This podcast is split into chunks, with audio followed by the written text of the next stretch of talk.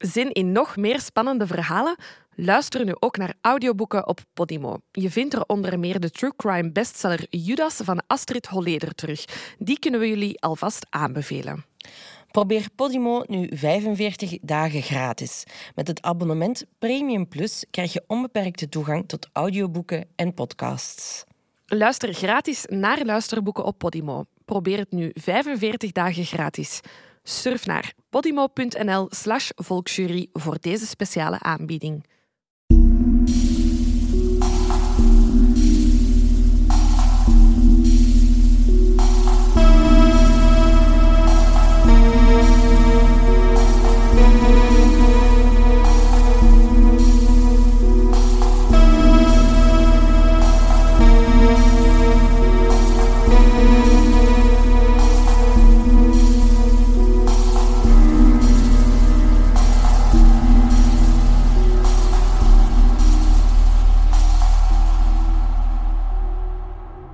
Welkom bij aflevering 128 van De Volksjury. Wij zijn Laura en Silke.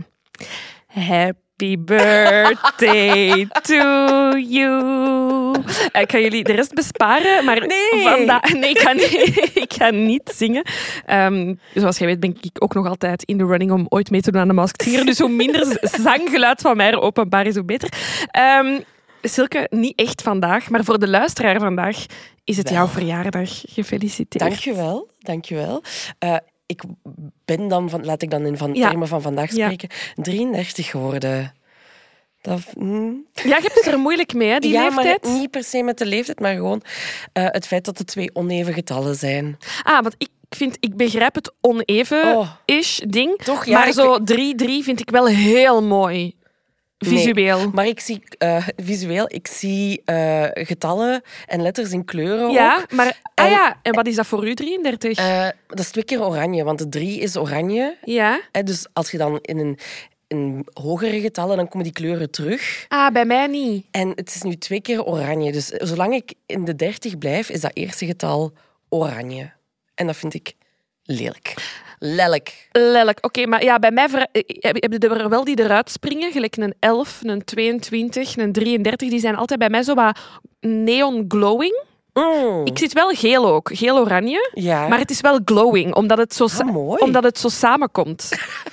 Oh, dat vind ik mooi. Nee, bij mij hebben ze echt van, 1 tot, eh, van 0 tot 9, laat ik het zo zeggen, een specifieke kleur. Mhm. Ja. En die komen dan altijd terug. Oké, ja. Ehm, het is fijn om daar met iemand over te praten die dat ook heeft. Want ik heb dit ooit zo confession-gewijs in het middelbaar gezegd in Oh. de klas. Oh. En eh, de leerkracht heeft mij uitgelachen toen. En ik voelde mij zo... Oh, ik ben echt helemaal alleen hierin. Niemand weet wat ik hiermee bedoel. Tot pas jaren later mensen zeiden... Maar dat is super normaal. Ik heb dat ook. Er zijn mensen die niks zien. Er zijn mensen... Allee, ook de manier waarop dat je de kalender indeelt. Ik wou dat juist vragen. Hoe ziet uw kalender eruit? Ja, dat is super raar. Dat slaat nergens op. Dus januari, februari, maart. Mhm. Dan gaan we naar de volgende rij. April, mei, juni. Maar dan gaan we verder op dezelfde rij. Juli, augustus. Mhm. Een beetje naar beneden. September, oktober, november, december. En dan terug omhoog naar januari. Ah ja, dus bij mij zijn het ook lange buizen. Zo, hè, van boven staat januari en dan loopt die naar Ah, beneden. naar beneden. Ja? Ah ja, en, zo ja. En dus januari, februari, maart zijn het samen. Oh, ze is het goed aan het uitleggen met haar handen. Het is jammer. Ja, april, mei, juni. Ja. En dan in een donkerdere kleur die zomermaanden. Ah, wel, bij mij hebben die maanden ook eh, eh, kleuren. Ja. En oktober is zeer duidelijk eh, rood-oranje. Echt zo'n herfstkleur. Oké, oké. En de rest is zo wat niet specifiek bepaald. Eh, maar bij u is de zomer dan heel Mhm. Ja, uitgesproken. ja, donkerder. Dus al de rest zijn zo wat tinten. Ja, misschien wel echt gewoon zo de Outlook agenda tinten dat je eraan kunt, kunt ja, geven. Maar zo die zomermaanden. En dat is sowieso geïndoctrineerd van vroeger. Dat zo uw kalender in het weekend Ah, ja. en de zomervakantie zo. Oh, ik ben blij dat jij dat ook hebt. maar ook zo, eh, namen zijn, Ja, ja, hangen daarmee ook samen of dat ik die mooi vind of niet. Of maar wat die jij hebt dat met letters- je eigen naam die geel is, hè, dat je lastig mijn, vindt. Ja, mijn, de S is geel en dat vind ik ook niet goed. En dan de I is zo wat lichtblauwig. Hm. L is groenachtig. Ah. De K is zoals oktober, rood-oranje. En de E is eerder grijs-zwart. Ja, Ehm, En ja, die S stoort mij gewoon mateloos. Dat dat, dat dat geel is. Ja, dus ik vind dat geen warme naam. Oké. Dus, dus ja, naam... Ik kan er nu niet meteen opkomen wat ik dan een, een warme naam zou vinden, maar dat zijn... Maar ben ik dan ook bij u heel rozig? Want voor mij is dus de L begint die heel rozig. Nee, want die is groen bij mij, hè, zat ik net. Mhm. ja. En dan de A is zwart. Dat is echt zwart. R ongedefinieerd. Ah, ja. Ongedefinieerd. En de U is ook iets... ehm, ook een soort van grijsachtig. Dus sommige letters hebben echt zo'n felle kleur. Ja. Dus bij u is het ook eerder ehm, eh, een killernaam, maar Ja.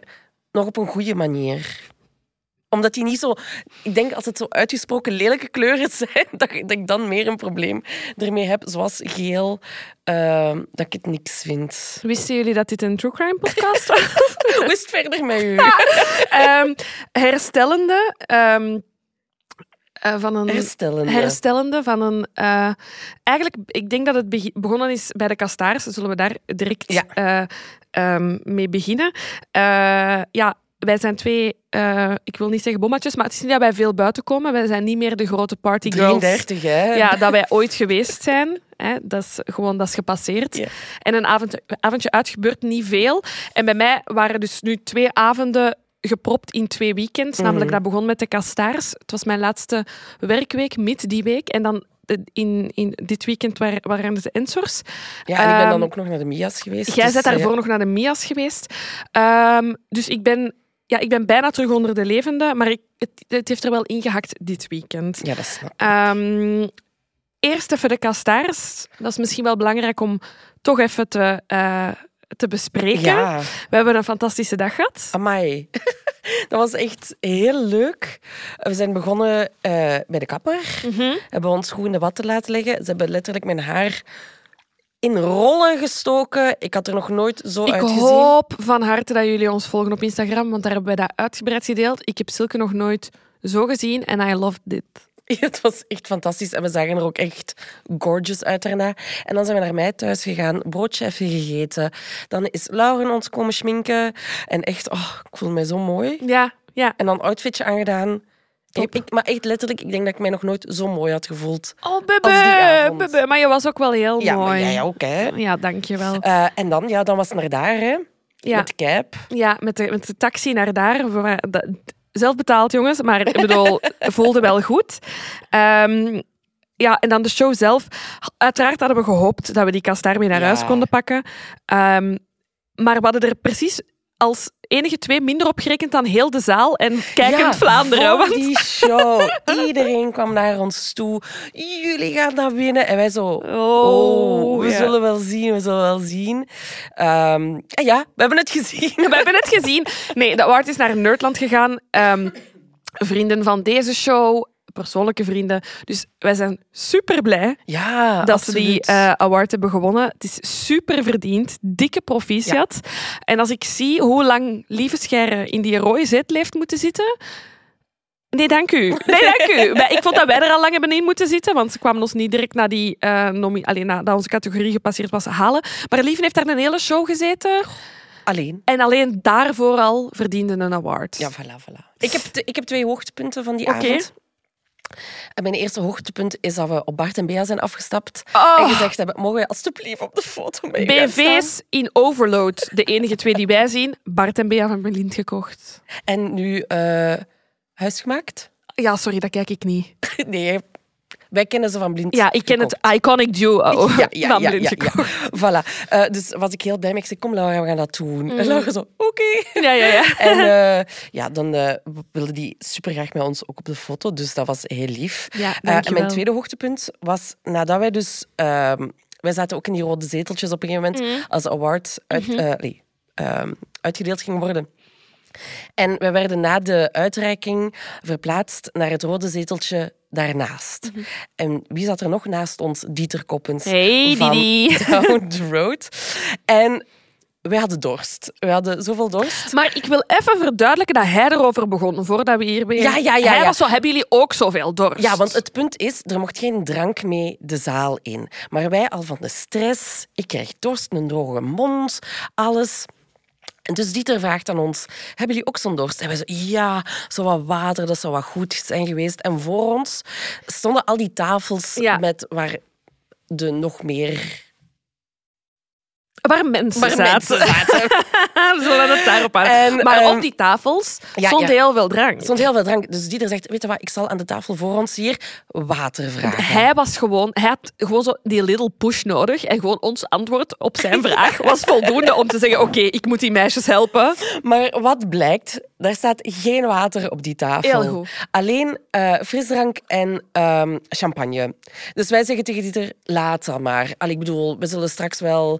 We moesten nog even bekomen van wat er daar gebeurd was. Maar die Dieter, die pakt daar gewoon één glas champagne. en die zegt, hier, drink maar. En we hebben alle drie van hetzelfde glas gedronken. En dat vond ik echt een heel... Het was een heel cute moment. Dat we En niet één keer, maar hij is nog eens gaan bijvullen. Meerdere keren. Ja. Ja. het was heel schattig. Eh, Dieter takes care of people, Ja, dat is duidelijk. Zit in zijn natuur. Zelfs op een awardshow heeft hij zoiets... Die twee uitgedroogde pruimen, ik moet die even bijgieten met champagne. Ehm, nee, het was een hele goede highlight. Ja. Dat was heel tof, vond ik heel leuk. En ook gewoon heel veel mensen ontmoet. Ja. Eh, waarvan we wisten dat ze luisteren. Ehm, dus dat is een keer tof om, eh, om die mensen in het echt te ontmoeten. ja, klopt. Dus dat was voor mij de kastaars. Het was nog een wilde tocht naar huis. Ja. Gaan we dat zien? Eh, ja, zonder een expliciet bedrijf te noemen, kunnen we wel zeggen dat we verantwoord zijn geweest. En Ja. we gingen met de taxi naar huis. Dus ik bel, want Silke heeft bel anxiety. Zij was al online een taxi aan het stellen. Ik zeg nee, ik ga wel bellen. Dus ik bel naar de centrale van dat eh, taxibedrijf. Ik zeg, hallo, wij zijn op dit adres en wij zouden graag twee taxis willen. Eentje naar Brussel, eentje naar Antwerpen, alsjeblieft. Geen probleem, wij zijn er over 20 minuten. Dus wij wachten buiten in de kou, voor de deur. 20 minuten, 30 minuten. Ondertussen komt 40 iedereen minuten. buiten van wie dat we afscheid hadden genomen. En die zeiden, hoezo zijn jullie al naar huis? Nee, nog niet naar huis. Ja, nee, nee. Toen wij weggingen, Ja. toen hadden wij gezegd, wij Ja. zijn door. En zij zeiden...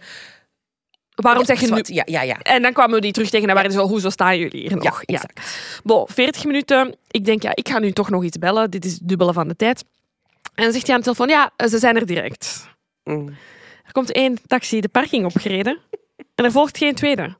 En die taxichauffeur, dus ik zeg van, ja, wat is deze nu? Die doet zijn raampje naar beneden. Die zegt, ja, kijk, er zijn problemen met de andere taxi.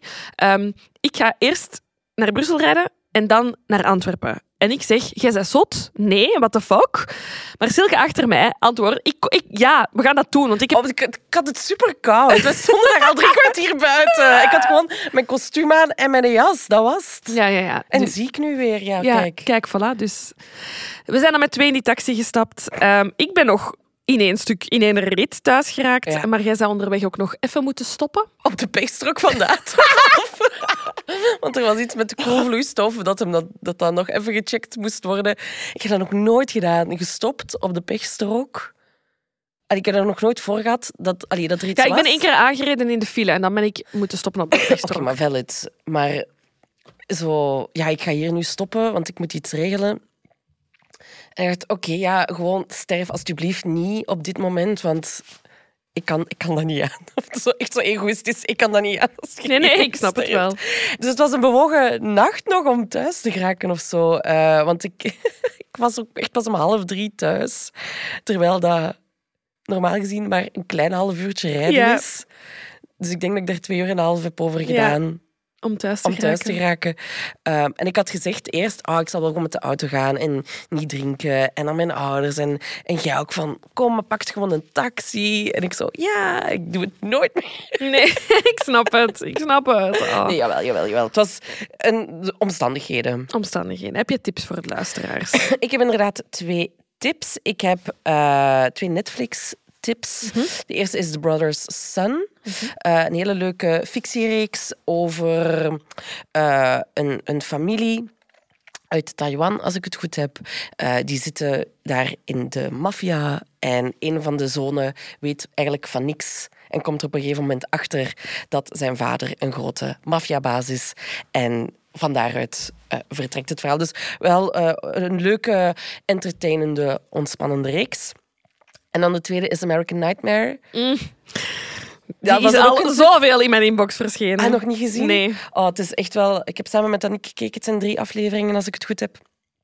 En uh, het is echt gevalt van de ene verbazing in de andere. Het gaat erover dat er een koppel is die s'nachts thuis worden overvallen en de vrouw wordt ontvoerd. Mm -hmm.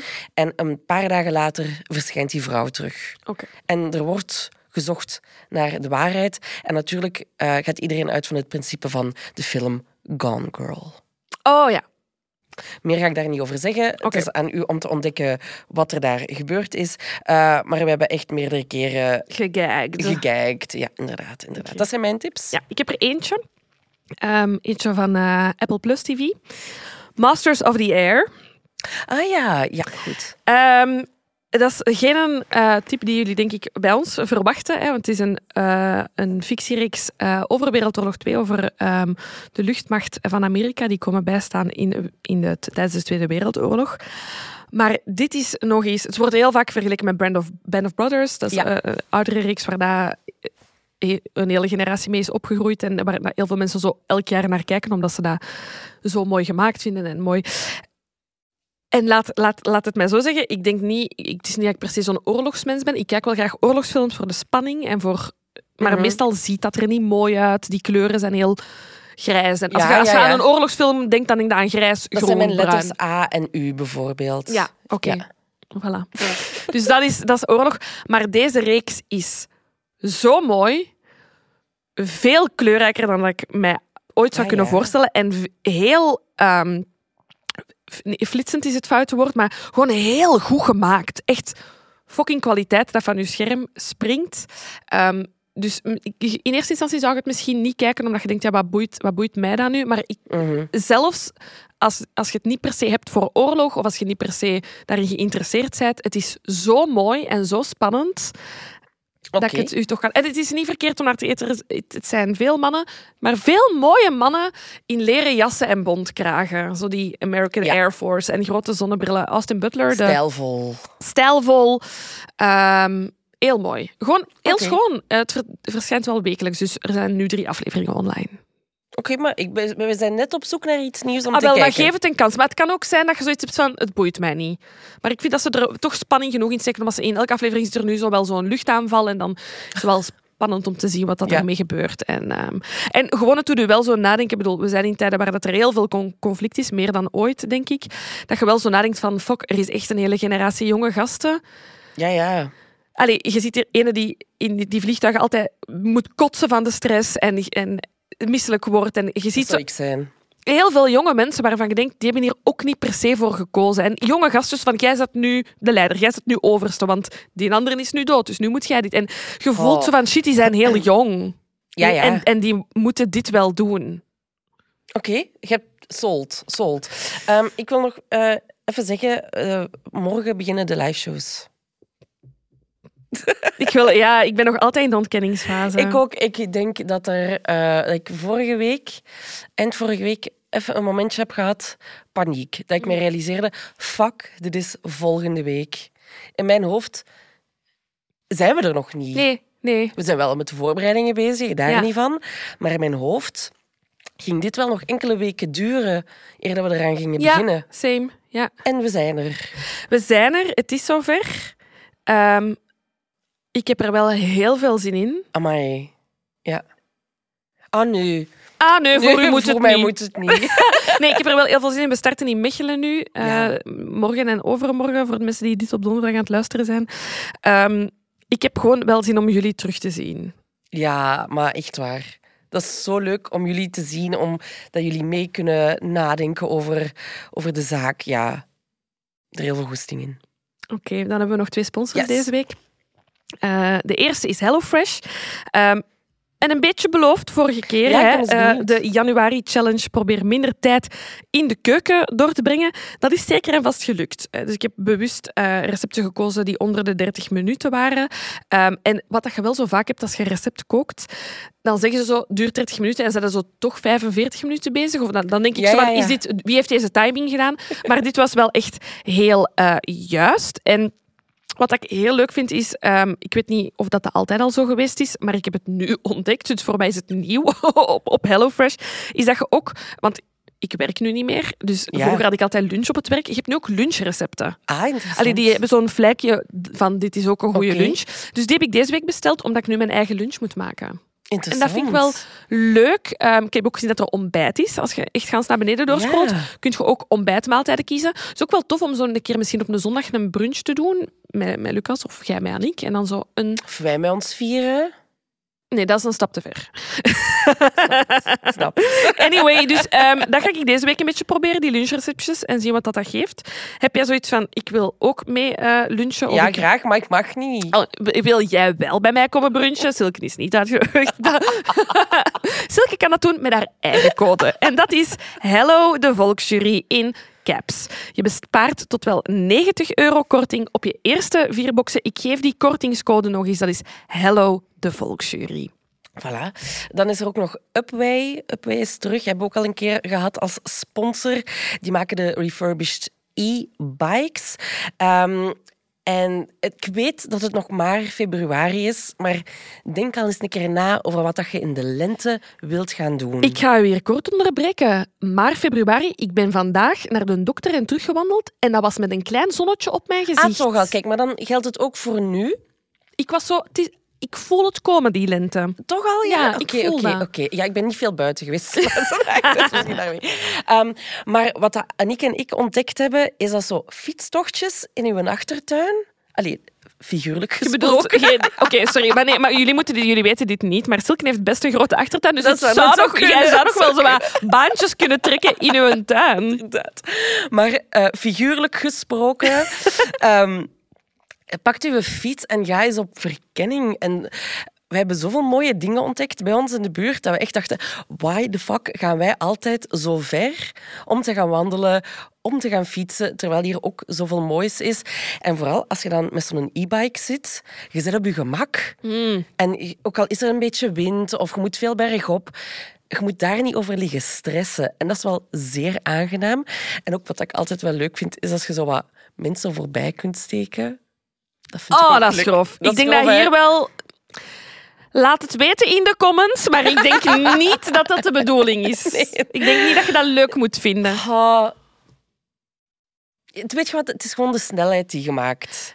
De dag dat uitkomt dat je een seriemoordenaar bent, gaan ze dit als een van de eerste, Ja, waarschijnlijk. waarschijnlijk, als een van de eerste tekenen zien. Maar om te zeggen, als jij je ook zo wilt Wil jij ook een, serie, een seriemoordenaar worden? Eh, nee, dan kan ik een e-bike echt wel aanbevelen. Want het is ook, je bent wel aan het bewegen, ook al voelt je niet dat je aan het bewegen bent. Omdat die fiets doet mee voor u. Maar je bent wel je lichaam aan het bewegen. Je bent ja, die beweging aan het maken. En dat vind ik wel altijd tof aan, ehm, aan een e-bike.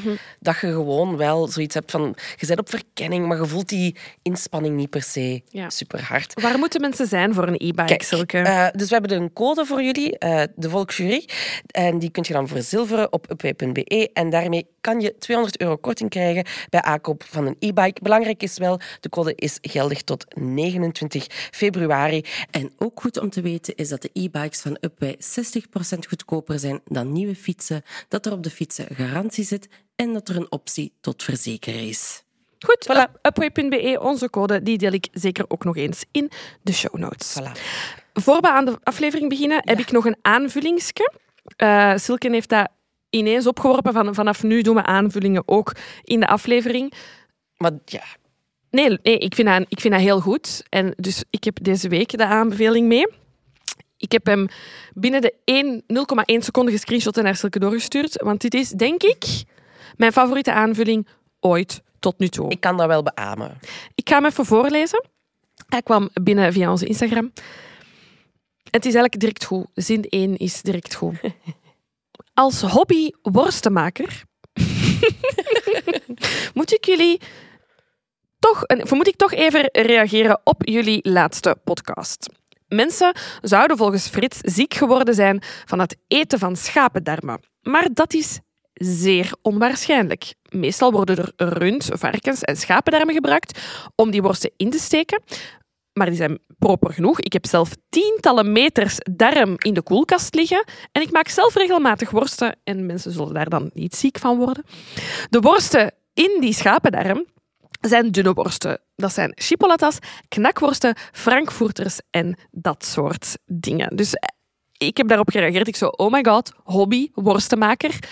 Na de lokale eekhoornjagers denk ik dat we Ja. een nieuwe superleuke hobby hebben gevonden. Namelijk, we kunnen allemaal hobby-worstenmakers worden.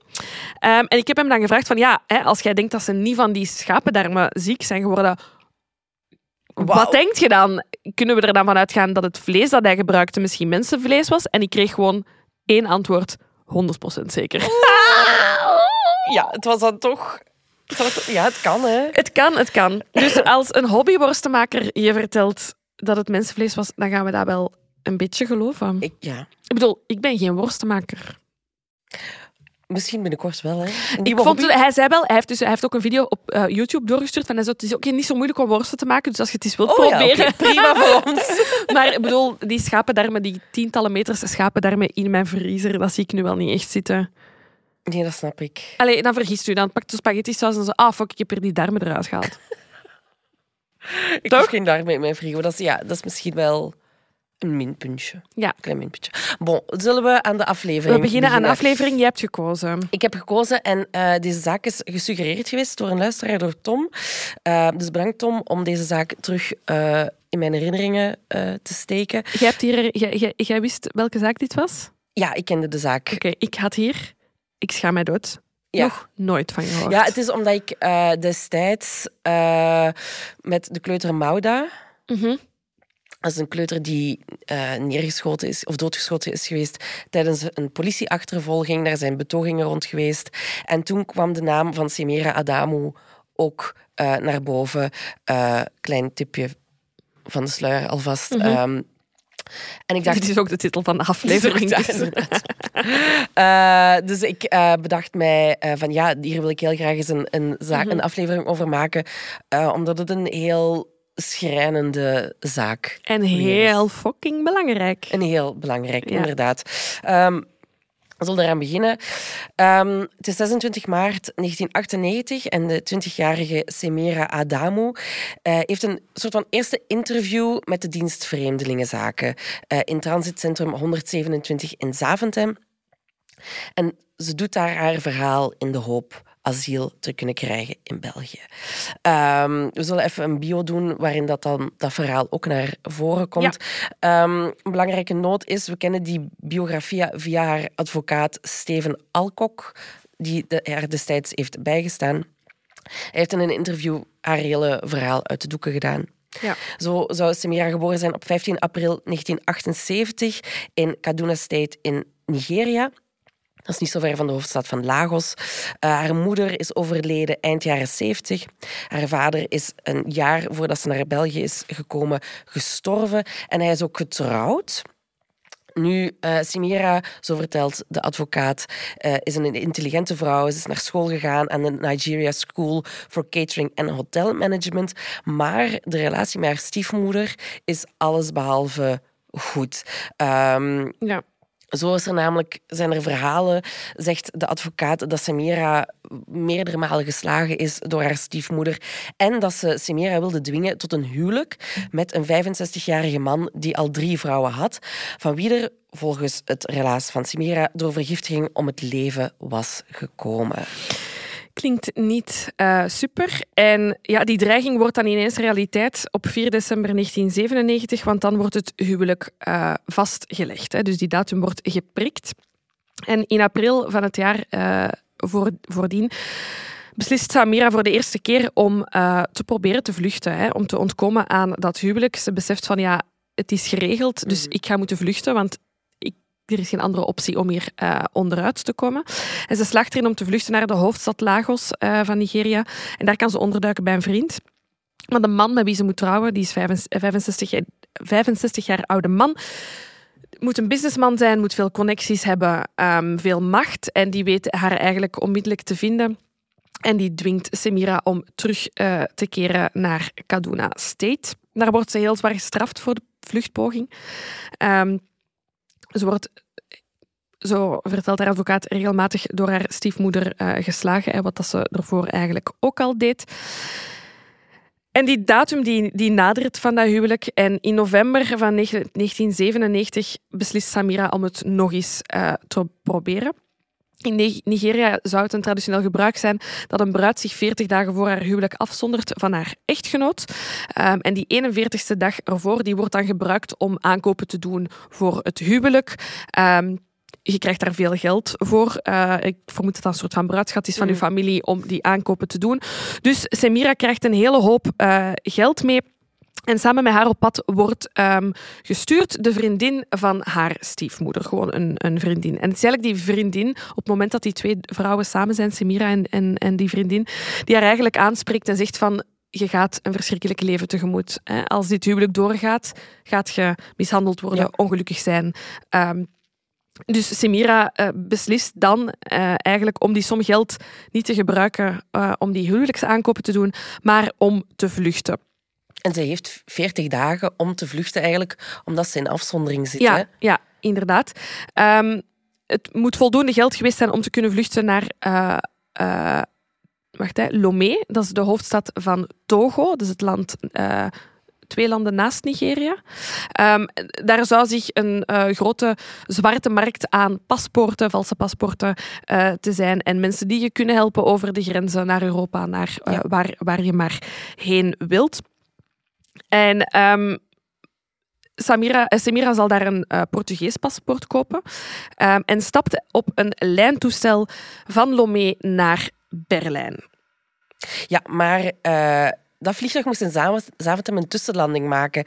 En daar is Semira dan eigenlijk betrapt geweest, omdat ze had natuurlijk een vals Portugees paspoort bij, maar ze kon geen Portugees. Dus daarmee is ze door ja, de mand gevallen, als het ware. En uh, ze is dan eigenlijk overgebracht naar transitcentrum 127 in Zaventem, waar ze dus Allee, zo komen we terug aan op het begin van deze ja. aflevering, waar ze dus dat eerste interview had met de dienst Vreemdelingenzaken. Uh, belangrijk om te weten is dat daar geen advocaat bij is. Nu, die afloop van dat eerste interview is negatief. De Semira krijgt geen toegang tot België, wat zoveel betekent dat ze terug moet naar het land van herkomst. Ja. Um, wat ik bijzonder vind, want het land van herkomst betekent niet uw thuisland, maar betekent het land van waar je bent vertrokken. Of van, van waar ze zeker zijn dat je bent vertrokken, ja. wat dus Togo uh, ja. is. Maar Semira denkt niet zo snel. Ik ga in beroep. En zo komt ze eigenlijk uh, terecht bij het commissariaat-generaal voor de vluchtelingen voor een tweede gesprek. Dus op 7 april is Simera nog eens ondervraagd geweest over haar verhaal, wat we net hebben gezegd van het gedwongen huwelijk. Maar uh, de het commissariaat-generaal beslist, kijk, uw aanvraag voldoet niet aan de criteria, want volgens de dienst Vreemdelingenzaken is Simera bestemd voor het Europese prostitutienetwerk. Waarop zij zich baseren, ben ik niet te weten gekomen. Um, maar Simera wordt overgebracht naar het repatriëringscentrum 127 bis in Steenokkerzeel, een zeer berucht mag gezegd zijn, uh, repatriëringscentrum in ons land, waar mensen die inderdaad zonder papieren zitten terechtkomen en er zal beslist worden om haar het land uit te zetten. Ja, ik heb nog een paar aanvullingsjes, want ik was zeer benieuwd naar die criteria. Ja. Um, en haar verhaal dat ze vertelt, um, of het waar is of niet, dat, weten we niet. Dat laten we even in het midden. Is zij inderdaad bedoeld voor het prostitutienetwerk of is zij inderdaad aan het vluchten van... Alsnog heb ik daar ook mijn bedenkingen bij. Of, het nu, of dat je vlucht voor... Maar geen van beide was in aanmerking gekomen, want ah, het criteria op dat moment was... Het gaat hier om privéproblemen. Mm. En niet door een vervolging van de overheid. Je bent niet aan het vluchten voor oorlog. Je hebt geen veroordelingen voor geaardheid. Dus het had eigenlijk weinig zin om te, om te zeggen van ik wil nog eens dat je naar, naar deze voorwaarden kijkt, want volgens de criteria was zij eigenlijk nooit in aanmerking gekomen. Um, dus het doet er eigenlijk niet toe dat ze zogenaamd gelogen zou hebben over haar reden. Nee, want beide redenen waren eigenlijk... Privé. Ja, privé. Niet door de overheid. Um, haar advocaat um, kon wel nog een humanitair beroep indienen bij de burgemeester um, waar, de, waar die persoon uh, blijft. Dat doet hij ook. Zij verblijft in Steenokkerzeel, Zaventem uh, op dat moment. Um, en zij krijgt uh, als antwoord dat haar aanvraag onafhankelijk, on, onontvankelijk is. Onafhankelijk, onontvankelijk is. Want, en dit komt als een shock voor mij, want ik ben van Zaventem en Steenokkerzeel ligt daar vlakbij. Ja. En Steenokkerzeel behoort niet tot het Belgische grondgebied. het is een grensgebied omdat het aan de luchthaven is. Dus ik woon al heel mijn leven in het buitenland en ik wist dat niet. wat, dat wist ik niet. Bon, ik, ik geloof het ook niet. Ik vind het ook heel raar. Ik heb het enkel teruggevonden in een verslag van die eh, advocaat. Ehm, ja, en dan eh, is hij nog proberen in beroep te gaan, maar dat verzoek is eh, afgewezen. Dus ehm, haar raadsman geeft wel aan dat, het, dat hij er alles heeft aan gedaan op juridisch vlak, maar dat die juridische rit op dat moment eigenlijk afgerond is. Oké. Dus ja, Semira zit dan in repatriëringscentrum 127 bis in Stenokerzeel. In het buitenland? in het buitenland. Ehm, maar er zijn activisten die opkomen voor mensen zonder papieren. En die eigenlijk ja, met spandoeken buiten het centrum staan, waar dat een telefoonnummer opgeschreven staat. En ehm, Semira, sorry, eh, die slaagt erin op een gegeven moment om dat nummer te bellen. En er ontstaat een soort van communicatie tussen die activistische groep en tussen Semira, waarin zij eigenlijk steun krijgt van die activisten. Hè. Wat kunnen we doen om u te helpen, Semira? Of zodat je in België kunt blijven. Maar zij informeert hen op hun beurt over de leefomstandigheden van dat centrum. En dat zou niet goed geweest zijn. Um, Semira wordt eigenlijk een soort van leider al snel um, onder de asielzoekers, omdat er gewoon heel veel mensen zijn die zich verzetten tegen hun uitwijzing. Um, dus uh, dat is eigenlijk een belangrijk ook deel van, van dit verhaal. Absoluut, ja. Maar ja, er zijn natuurlijk op een gegeven moment komen we bij het punt dat Semira het land wordt buitengezet. Ja. Um, de, ja. Ah nee, ja, ik wou zeggen dat gebeurt. Dat zal in een aantal keer uh, ja. gebeuren. Um, de eerste keer um, getuigt uh, Semira daar zelf over was iedereen best aardig tegen mij. De politie kwam mij halen. Ze hebben mij begeleid naar de luchthaven. Er was een vlucht voor mij geboekt. En net voordat ze eigenlijk uh, aan boord ging gaan of moest gaan, um, zei ze tegen die agenten: Ik wil eigenlijk liever hier blijven. Ja. En die hadden zoiets van: Ah, oké, okay, ja, dan, dan gaan we gewoon terug naar Stinokerzeel. En zo makkelijk is dat dus. Um, ja, als ik mag aanvullen. Zeker. Bij een eerste poging mag dat blijkbaar. Okay. Mocht je als uh, persoon zeggen van ik wil niet. En dan uh, zijn ze eraan aan gebonden dat ja. je teruggebracht wordt. Ik vind dat een hele rare bemerking. Dat je, want wat denk je dat er tussen die eerste... Allee, mm. welke hoop geeft je die mensen dat er tussen die eerste en die tweede keer iets anders ja. gaat gebeuren? Want, want, dit was 21 april 1998. Ja. Uh, tweede poging is op 26 april, dus een week later. Ja.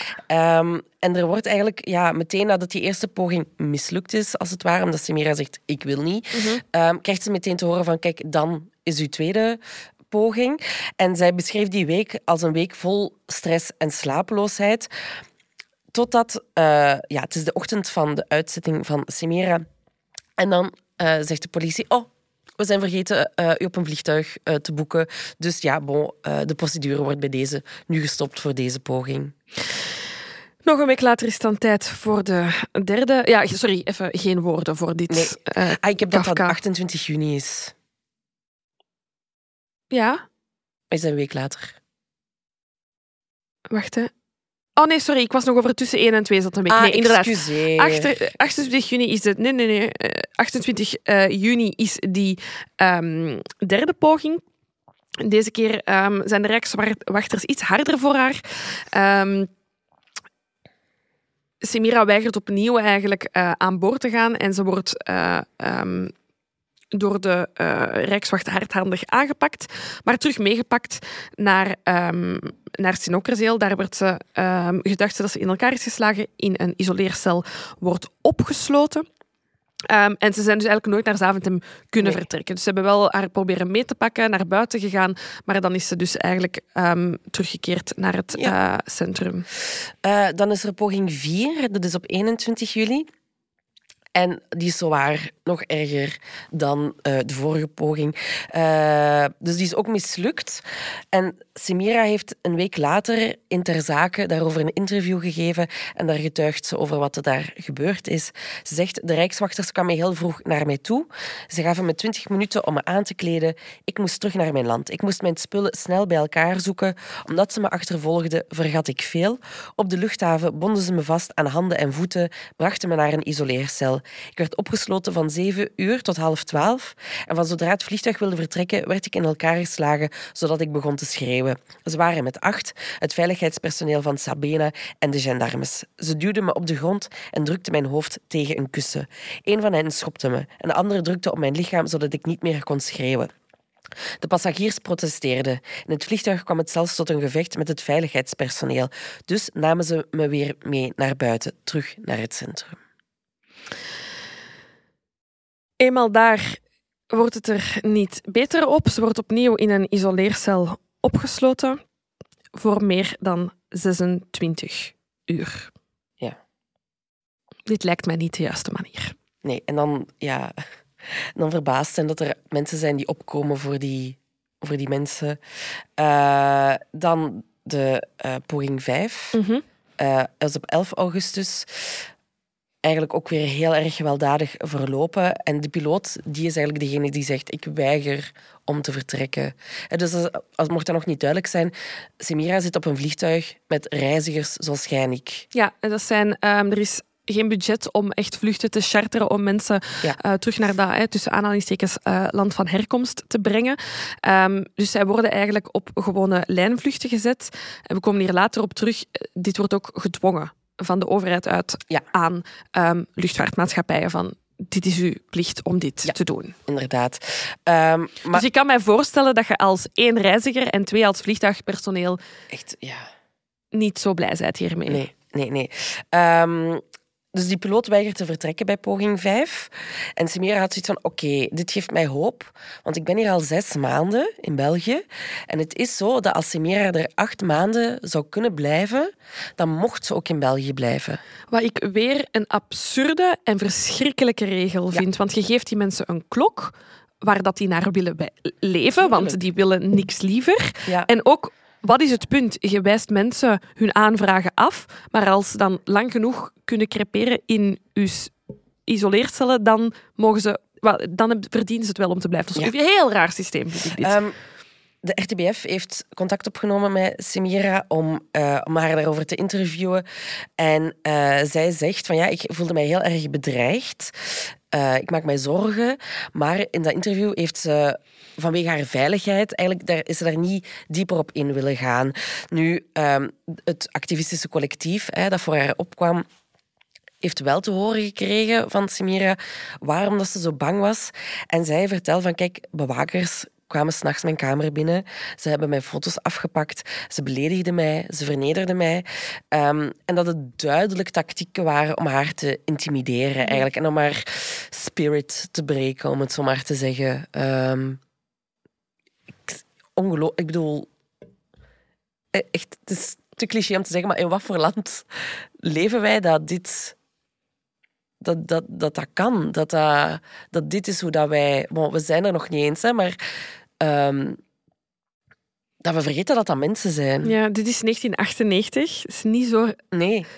heel lang geleden. Ehm, ja. Zullen we naar poging 6 gaan? Dat is... eh, ja. Nee, zeg maar. Dus op 22 eh, september. eh, dus er wordt dan een zesde poging ondernomen. En voor veel mensen, ook van het collectief, het activistisch collectief, kwam dat als een schok. Omdat ze zoiets hadden van ja, ze had nog maar twee maanden te gaan. Mhm. Dus ze vinden het frappant dat er, dat er nog een zesde poging wordt, wordt ondernomen. Bijzonder is dat ze eigenlijk twee dagen voor, de- dus deze poging eh, vindt plaats op 22 september. En het weekend ervoor, van 18 tot 20 september, werden er in Brussel heel veel manifestaties gehouden ehm, om over het lot van. eh, Ja, ja. ah nee, sorry, ik dacht dat jij zoiets had van dit is niet juist wat je Ah, nee, nee. om, om- dus manifestaties om over dat lot van ehm, eh, mensen op de vlucht ehm, op te komen. En eh Samira was daar echt een van de boegbeelden van, Ja. hè, omdat zij inderdaad zich eh, ook al had uitgesproken in de Belgische media. Ehm, dus ja, dat die, die poging dan twee dagen later kwam, was voor heel veel mensen inderdaad een shock. Ja, en zo ook een, ook, ook een achterbakse daad precies. Zo van, hé, we gaan haar nu toch buiten zetten. Ja, ja, ja, ja. Maar het lijkt mij ook... ehm allee, PR van Katrien, zou, Katrien van PR zou hier iets over kunnen vertellen. Ehm, maar het lijkt me niet de beste tactiek of zo. Als net heel veel mensen iemand als symbool gebruiken om dan daar een punt van te Ja. maken. Om die, allee, ik weet niet, dat lijkt me gewoon niet de juiste manier. Nee, maar ja, kijk. Goed. Eh, dus die dag, eh, het is 22 september, wordt Semira begeleid door een hele groep rijkswachters die met haar aan boord gingen, hè, uh, net voordat de passagiers erop zouden komen. Um, maar Semira verliest het bewustzijn op een gegeven moment als ze in het vliegtuig zitten. Uh, agenten hebben haar in bedwang willen houden met het kussen opnieuw, wat we daarnet ook al gehoord hebben. Er wordt medische hulp ingeschakeld. Uh, en Simira wordt van het vliegtuig gehaald om overgebracht te worden naar het Saint-Luc ziekenhuis in Brussel. Maar bij haar aankomst is ze al klinisch dood. Um, haar dood wordt pas officieel aangekondigd tijdens een persconferentie s'avonds mm -hmm. door de ziekenhuisdirecteur. En nog diezelfde avond uh, van 22 september zegt de Rijkswacht dat in geval van verzet de maatregelen om personen in bedwang te houden bestaan uit het gebruik van plastieke handboeien en het kussen van het vliegtuig op de mond geplaatst en niet op de neus om schreeuwen te voorkomen. En de minister van Buitenlandse Zaken, Louis Tobak, die zegt dan weer van kijk, voor zover dat ik weet en in afwachting van het verdere onderzoek is de uitwijzing volgens de regels verlopen. Ik denk dat we hier twee belangrijke dingen horen. We horen de maatregel die gebruikt wordt. En we horen een minister die zegt de regels zijn gevolgd. En het ergste is dat ze geen ongelijk hebben. Ja. Deze maatregel is op dat moment legitiem en die is gevolgd. Ja. Ik vind dit één, sowieso toekoer iets heel waanzinnigs. Maar vooral dat er specifiek wordt gezegd dat dat het kussentje uit het vliegtuig Ja. moet zijn, vind ik van een waanzin dat ik niet kan vatten. Toen Dat is dat echt las, alsof dat je zegt, als iemand geboeid moet gearresteerd worden, dan gaat het touw bij een brico halen en daarmee moeten dat doen. Sorry, waarom worden hier andere partijen bij betrokken? Waarom moet een vliegtuig zijn kussen afgeven? En ook, wordt dat dan teruggelegd? Ik bedoel... eh, is Veel vragen over dat kussen. Waanzin. Je zou toch denken dat als je daar getraind personeel hebt zitten, dat die hun eigen materiaal mee hebben. Ja, ik denk dat het woord Allee, bedoel- ook zeer... Ja. zeer- Daar kunnen we straks op terug. En ook gewoon te koer een kussen. Allee, zijn we, zijn we niet slimmer dan dat? Ja. Ik, ben nu al, ik ben nu al kwaad. Ja, Ehm, we gaan, maar we gaan eerst nog proberen tot we onze mening en dan... Ja, ja. we zullen even uitleggen, of proberen uit te leggen natuurlijk, hoe dat we op dit punt zijn gekomen, hoe dat repatriëringen verlopen. België gebeuren, ja, ja. ja. Ja, inderdaad. Eh, Ja, ik wou gewoon... ehm, allee, eigenlijk wordt al, al, al snel duidelijk, eh, of dat kunnen we toch stellen, dat er iets is fout gelopen bij die repatri- repatriëring van Semira. Ja. En dat de, de dood waar dat ze aan eh, gestorven is, dat dat wel iets te maken zal hebben met de manier hoe dat zij ehm, zo is... eh, eh, een poging is gedaan om haar het land uit te zetten. Ehm, in, die, in die periode dat dat onderzoek volop eh, aan de gang is, komt er aan het licht ehm, dat er in 1987 al eerder ehm, iemand was, um, Bishi Boy, van 29 jaar oud, die om het leven is gekomen op het moment dat hij ons land werd uitgezet. En die zaak is ook twee keer voorgekomen, maar zowel de Raadkamer als het Hof van het Beroep hebben dat toen geseponeerd. Dus er komt aan het licht dat er al eerder iemand overleden is tijdens het uitzetten, waardoor dat deze zaak bijkomend Samira is eh, iemand met een, een eh, voorbeeldfunctie voor actievoerders. Dus dat zet wel ehm, de vlam in de pan, ja, mag ja, ik dat ja. zeggen, eh, over deze zaak. Dat brengt mij bij de wet van Van de Lanotte. Ik ga hier een beetje voorlezen, zodat ik geen fouten maak. Dus vanaf 1988 moeten asielzoekers op basis van een analyse van hun dossier wachten hè, om te kijken dat er geen fraude in zit of hun verhaal klopt. Hè. Dus zij worden geïnterviewd bij aankomst in ons land en dan wordt er eigenlijk nagekeken van klopt dit verhaal? Ja, dat betekent dat je natuurlijk een paar werkdagjes moet wachten en tot dan gebeurt dat in de transitzone op de luchthaven. Ook, Daar worden fictiefilms over gemaakt, hè, Ja. over dit soort onderwerpen, maar het lijkt mij niet de juiste plek om iemand te bewaren. Dat licht schijnt dan ook ergens toch bij onze beleidsmakers, want zij beslissen om detentiecentra op te richten. maar vanuit eh, dat, dat ze de, de, de asielzoeker niet geloven. Ja, Dat is het idee daarachter. Het Ja. is niet zo van, we gaan die mensen hier rustig even laten opvangen, bekomen, op hun opvangen. komen. Ja. Nee, nee, want ze gaan er in eerste instantie vanuit dat alle mensen die naar hier komen liegen. Ja, ja. Klopt, ja, inderdaad. Hun verhaal moet worden... Ik begrijp dat een verhaal moet worden nagetrokken. Ja, Maar probeer misschien een andere insteek. Misschien een andere insteek. Um, in 1993 wordt die werking van gesloten centra um, uh,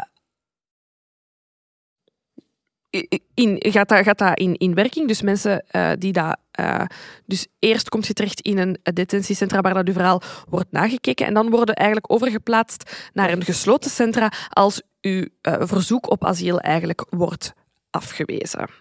Ja, nu, ik, um, ik merkte tijdens het onderzoek dat ik ook heel verschillende jaartallen ja. ben tegengekomen. Jij zei nu bijvoorbeeld 1993. Ja. Ik heb bijvoorbeeld 1996 gezien. Voor die gesloten centra? Voor die wet. ah, oké. Okay. Ja, dus ik, uh, ik, ben er, ik, dus ik ben verschillende data okay. tegengekomen. Dus mocht weer iemand uh, hier expertise in hebben...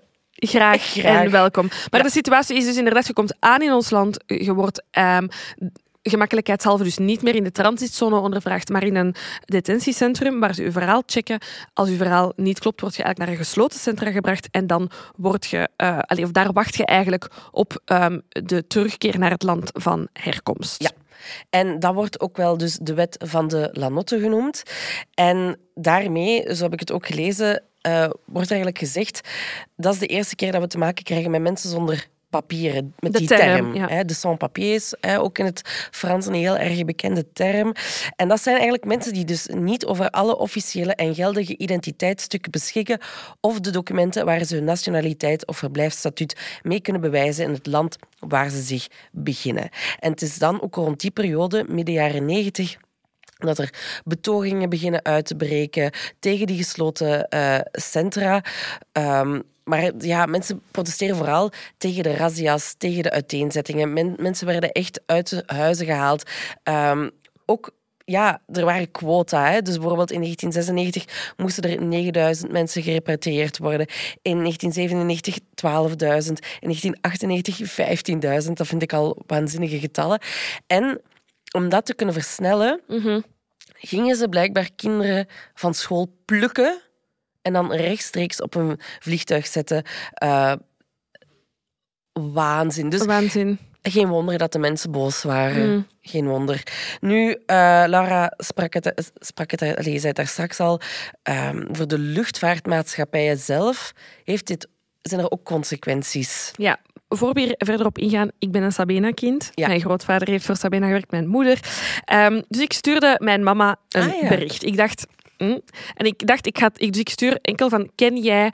Um, de volledige naam is Semira. Um, en ik krijg als eerste antwoord, die naam zegt mij iets. Welke afdeling? Dus mijn lieve mama ging er al vanuit dat die vrouw voor Sabena werkte. Oh. Omdat ik dus geen context gaf. Ja, ja, ja. En ik zeg, ik zeg ja, ze, eh, ze werkte niet voor Sabena. Ze is helaas uh, komen te sterven op een vlucht. En mijn mama antwoordde direct, is dat die vrouw die verstikt is?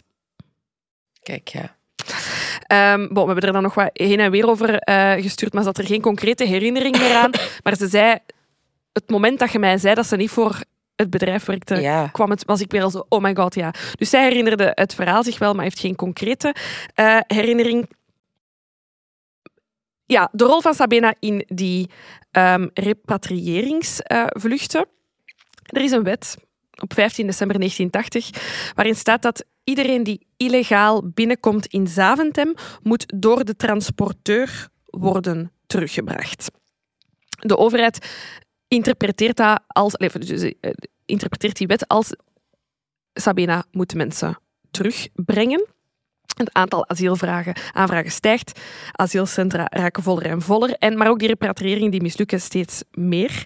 Um, dus de overheid zet een beetje druk. Um, en voor elke passagier die illegaal Zaventem binnenkomt, kreeg Sabena een boete van 3750 euro. Plus 19 euro voor elke nacht dat hij op Belgisch grondgebied verbleef. Dus een luchtvaartmaatschappij, dat, oké, dat is onze nationale luchtvaartmaatschappij, tot daar aan toe, maar krijgt een boete voor mensen die ons land binnenkomen. Dat begrijp ik niet zo heel goed. Nee. nee. nee. Um, en uh, deze info komt eigenlijk van een interview van het hoofd van de security van Sabena. En die zegt van ja, ik heb dan een brief gestuurd uiteindelijk naar Binnenlandse Zaken om te zeggen, we gaan dat niet meer doen. Wij willen die mensen ja, ik, ik, wil daar nog even op aanvullen, omdat die repatriëring, hè, ze mislukte, maar dat was ook omdat er superveel geweld mee gepaard ging. Ja. Zowel van uh, de, de persoon die teruggestuurd werd, die dat niet wilde en mm -hmm. zich agressief gedroeg, maar mensen van Sabena waren hier ook niet voor opgeleid. Nee. Uh, waardoor dat er een soort van vicieuze cirkel bestond uh, van geweld.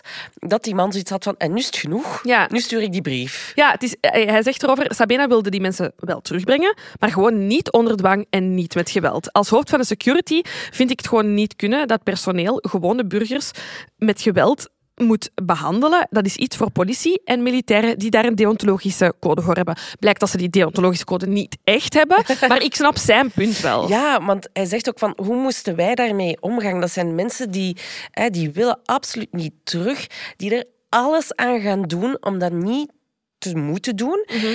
Dat ging van krabben en bijten, zelfverminking met scheermesjes, met de hoofden tegen de muur bonken, tot tot er bloed uitkwam, uh, uitwerpselen laten lopen. Vertelt hij. Hij zegt: Het ergste wat ik ooit heb gezien was een vrouw die haar kindje van de trap gooide om zijn arm te breken. Zo kon ze haar procedure helemaal van vooraf aan laten beginnen. Ja, begin maar eens. Hè. Die mensen zijn wanhopig. Uit Allee, je kunt daar geen andere mensen die niet begeleid zijn om hiermee om te gaan, mensen die dat dagelijks mensen naar hun vakantiebestemming bij wijze van spreken, je kunt dat niet als het eenzelfde soort job beschouwen. Absoluut gewoon. niet. Absoluut niet. Moest, ik was ook aan het denken, moest ik stewardess geweest zijn in die tijd? Of moest ik piloot zijn? En ik zou weten, ik zou gewoon al zeggen, niet op mijn vlucht. Ik vertrek Nee. niet, ik werk daar niet op, sorry, ik wil daar niet mee geconfronteerd. En dat is misschien een beetje kop in het zand, maar ik, ik wil daar gewoon niet mee geconfronteerd Maar dat is worden. not, not part of the job. Ja, voilà. Didn't sign up for this. Nee, en ook, ehm, ik was dit aan, het- aan, het- aan het researchen. En stel je maar voor dat je als passagier op dat vliegtuig zit. En er Ook zit, dat. En ook dat, hè, en er zit iemand die teruggestuurd wordt. Ik zou me daar zo slecht bij voelen. Ik bedoel, dus, dus ik vind dat zo Black Mirror. Dat jij ja. naar, als, naar die bestemming gaat waar die persoon terug naartoe gestuurd wordt, dat jij daar lekker gaat chillen Mhm, op vakantie mhm, en die persoon zit daar gehandboeid. mhm. Ja. Ja. Ik, En, en, ja, en, en, en misschien, want is dat ook een beetje, want inderdaad, je wilt daar niet mee geconfronteerd worden. En dan heb je zoiets van, ben ik nu, hè, kijk ik naar de andere kant? Maar nee, er moet gewoon een beter en humaan beleid Ja. worden, zodat die confrontatie niet op deze manier nodig is. nee, nee, nee. Dus de brief, daar waren we. Ja, dus hij schrijft ehm, een brief. En ehm, Louis Tobak, die op dat moment minister van Binnenlandse Zaken is, ehm, stuur, allee, laat eh, antwoord. En hij zegt, ja, de reden dat Sabena deze repre- rep- repatriëringen niet wil doen, is omdat het commercieel niet interessant is. Omdat zij... ehm, zij krijgen maar een kleine vergoeding eh, om iemand terug te repatriëren. Ehm, dus ja, er is eigenlijk voor hen geen reden eh, om dit te doen. En ehm, daar heeft ons hoofd van security een antwoord op. Hij zegt, kijk, ik begrijp dat Tobak dat zelf dat, dat zegt. Ik zou hetzelfde hebben gezegd. Maar wat hij vergeet te zeggen, is dat wij als bedrijf al jaren vragen aan de overheid om een preventiebeleid op die moeilijke luchthavens ehm, te doen. Hè. Mensen die dat daar aankomen, die met valse papieren proberen naar ons land te vluchten, eh, die geraken voorbij die check-up in die landen zelf. Ja. Hè, en komen hier aan. En in België ontdekt onze, onze politie of onze douane dan dat ze valse papieren hebben. Dus er moet gewoon een betere samenwerking zijn tussen alle luchthavens. Dan zou er al Ja. veel Fair minder point. mensen... En daar heeft hij een punt. Daar heeft hij een punt. Hij vertelt, kijk, die avond van de dood van Semira was er ehm, onder het veiligheidspersoneel van Sabina totale verslagenheid. Er is die avond heel erg veel gehuild en heel erg veel whisky gedronken. Ja. Maar uiteindelijk krijgt Sabena dan toch de hulp hè, van eh, Binnenlandse Zaken. Eh, ze, er worden toch rijkswachters ingezet die moeten helpen bij de repatriëring van quote-unquote de ergste heethoven, zo staat nog in het artikel van Humo. En op dat moment was eh Simira Adamu nummer één op die lijst. Nu, we willen, het, ik wil, allee, we willen het ook nog even hebben over het gebruik van dat kussen, hoe dat we daartoe tot zijn gekomen. En eh, in 1996, toenmalig minister van Binnenlandse Zaken Johan van der Lanotte, waar we het ook net over de wet hebben gehad, die stelt een werkgroep aan, omdat hij beseft inderdaad, oké, er is sprake van, van veel geweld. Wat kunnen we doen om dat Rustiger te laten geweld verlopen. te minimaliseren, inderdaad. En hij stelt dus die werkgroep aan. En die zeggen, kijk, ehm, asielzoekers slagen erin om, om ja, lawaai te maken, om gewelddadig te zijn, zodat ze langer in België konden blijven. En wij zijn op zoek gegaan naar methodes om die vicieuze cirkel te doorbreken.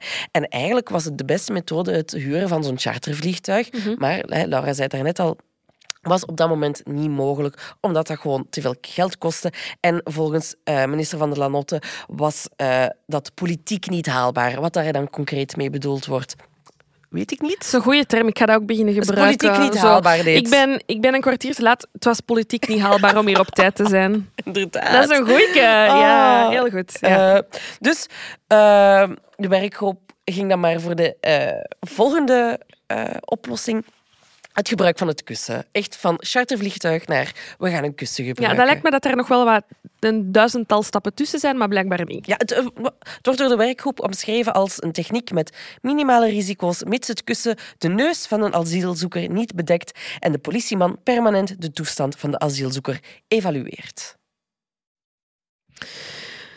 Oké, ja, maar gaan we nu dieper ingaan op discus? Want ik heb er wel echt heel moeilijk mee. Uh, ja, ik kan nog één dingetje zeggen. Dus uh, de bedoeling was dat uh, als, als het kussen werd gebruikt, dat de persoon rechtop zat. Maar de politie heeft geleerd dat de persoon voorovergebogen moet zitten. Mm -hmm. Dus met de, ja, met de handen op de benen en dan voorovergebogen in de, in de vliegtuigstoel. En dan het kussen op het gezicht. Ja. Maar eigenlijk moest hij, zoals je normaal zit in een vliegtuig, het zo zijn. Maar daar was de communicatie mis gelopen. Ja. ja, ik wil het gewoon heel heel concreet even voorstellen. Dus um, ja. mensen zitten heel, uh, of, of die um, mensen die het land worden uitgezet, die um, uh, komen voor de andere passagiers aan boord. Hè. Die zitten vaak op de achterste rij, in het midden. met langs hen dan twee mensen die hen begeleiden, wat dat dan vanaf dan de Rijkswacht is. En uh, ja, dat, dat, wordt ook een beetje een... Ik wil het niet een spelletje noemen, want het gaat hier over, mensen, het, over mensenlevens. Maar eh, die persoon die het land wordt uitgezet, die wacht natuurlijk met ambetant doen, met lawaai te maken, met zich te verzetten tot er andere passagiers, ja. ooggetuigen enerzijds, maar anderzijds ja, mensen die kunnen ingrijpen hè, en, en, en compassie kunnen hebben. Um, dus beginnen dan um, ja, te, ja, te, te ageren om, om in de hoop om um, het vliegtuig niet te, te, laten vertrekken. En dus wat, inderdaad, wat Silken al zei, um, er wordt een klein kussentje van een vliegtuig dan um, door een stewardess gegeven. Ik bedoel, ik, ja, imagine, hè, imagine, jij bent die vrouw, hè, jij bent Nancy van de stewardessen uh, en jij moet dan zo'n kussen gaan geven, uh, terwijl daar al iemand aan het schreeuwen is, uh, omdat hij niet weg wilt, omdat hij schrik heeft, ja. omdat hij bang is. dat kussen duwen ze op uw mond. mond ja. Want de neus mag niet bedekt zijn. Ja, maar kijk, hè, eh, hoe dicht staat uw mond bij uw neus? Ah, wel, en, niet het grapje van, hè, maar gewoon... Dat is toch altijd zo, het stinkt hier. Misschien staat uw mond te dicht bij uw neus. dat ken ik niet. Oh, een hele slechte grap. Maar bedoel, het is vrij onmogelijk om iemand zijn mond af te dekken met een kussen. Zonder, ja. Zonder aan die neus te komen. En dan plooien ze u inderdaad eigenlijk ook nog eens dubbel. Hè. Ze ja. willen niet dat je met je rug recht zit en uw handen zitten vastgebonden op uw rug. Hè? Ja, de, de classic arrestatie-look, ja. uh, om het zo maar ja. te zeggen. En dus jij wordt dan eigenlijk voorovergebogen. En dus dat kussen zit eigenlijk tussen uw knieën en uw gezicht, waar het moet afgedekt worden. Verschrikkelijk, ja. En er wordt dan nog eens kracht gezet op u ook. Ja, hè, je wordt door die twee rijkswachters naar beneden geduwd. Um, hoe dat dit door een commissie als optie B ja. naar voren kan worden geduwd, vind ik bijzonder. Nu, tien dagen na de dood van Semira op uh, 1 oktober 1998 doet een van die rijkswachters zijn verhaal in de Gazet van Antwerpen. Die audacity. Ik denk dan beter even je mond houden. Ja, maar ik denk ook... Media, wij willen dit niet. Allee, ik snap dat je probeert als journalist, maar je weet ook dat daar iemand gaat intrappen. En die, die mens had beschermd moeten worden. Ja. Voor zichzelf. Maar hij doet het uh, in bijzijn van zijn advocaten. Slim. Maar die had ook advocaat, sorry, advocaatje, waarom zeg jij niet nee? Ja. Er is geen nood aan dit verhaal. Dit gaat voor niemand goed zijn. Nee, voilà. Hij noemt zichzelf in het interview Jan. Hij wil anoniem blijven. Dus ik heb verder ook geen namen nee. uh, genoemd. Dat gaan we ook gewoon niet doen, hè? Bedoel. Nee. En hij, hij vertelt in, in het interview, kijk... Uh, ik wist pas kort voor vertrek dat het een moeilijke reis uh, ging worden. Uh, ik wist toen pas dat Semira al vijf pogingen erop had zitten om gerepatri- gerepatrieerd te worden. Ehm, Jan heeft nog geprobeerd om een gesprek aan te knopen voor, vlak voordat ze vertrokken eh, in, het, eh, in het cellencomplex. Ja, dat ook. Alsof het gevangenis, allee, misdadigers zijn. Eh, maar Samira wilde geen enkel contact maken, wilde geen gesprek aangaan.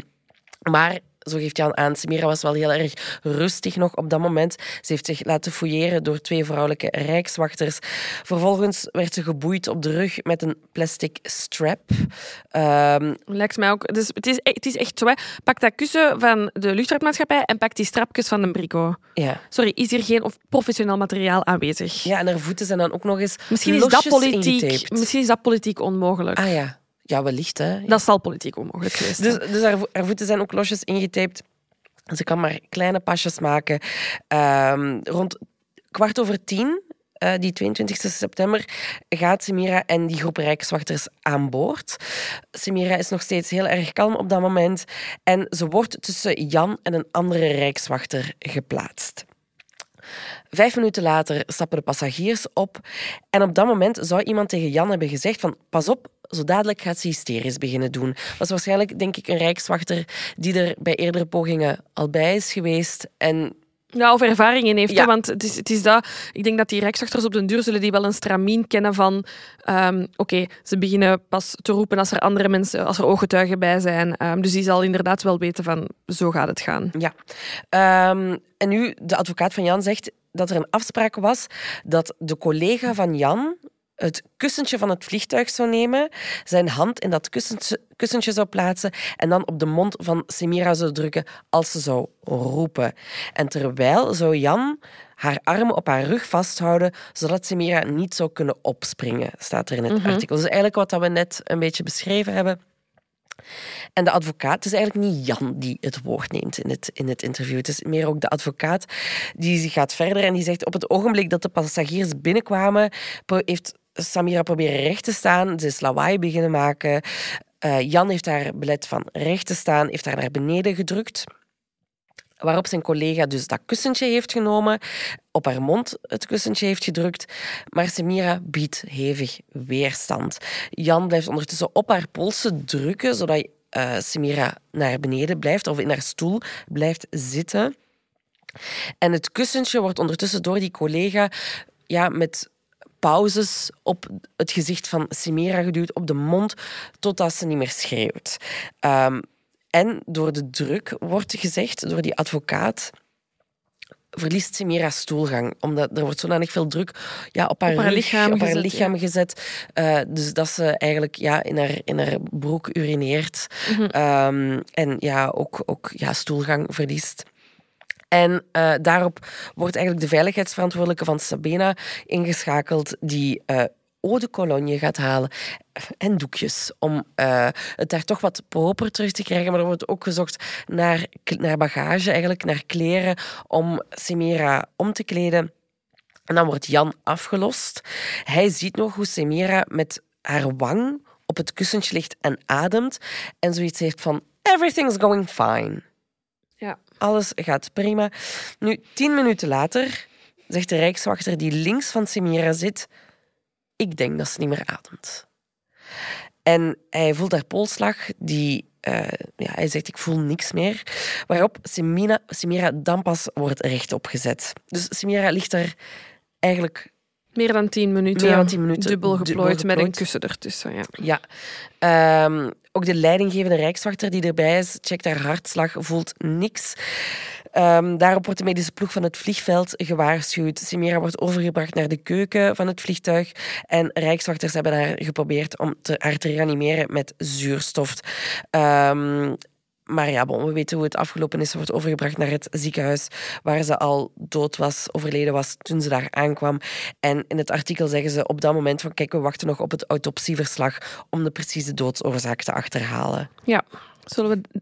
Oh, Ja, nee, ik wil gewoon even zeggen, het is, het is, het is veel informatie, maar je moet u proberen concreet voor te stellen dat Semira een kwartier, twintig minuten dichtgeplooid heeft gelegen. Met tussen haar En knieën en haar gezicht een kussen. Ja, en dan werd dat kussen er af en toe wel eens afgehaald.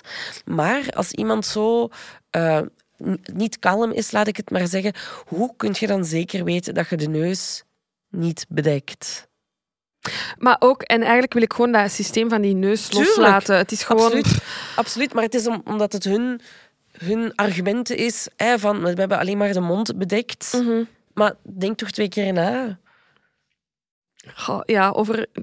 Ik vind het heel moeilijk, omdat dit een maatregel is die wordt opgelegd aan mensen die daar geen... Ja, ja, maar gewoon, die, ik bedoel, die werkgroep alleen al. Ja, ja, wel, maar ik vind... Want iedereen kijkt nu, net zoals in, in dit interview, naar die drie, drie vier rijkswachters. Hè. Ik vind het heel moeilijk dat we enkel naar die laatste laag kijken, want zij zijn de uitvoerders. En uiteraard hadden zij veel sneller kunnen ingrijpen.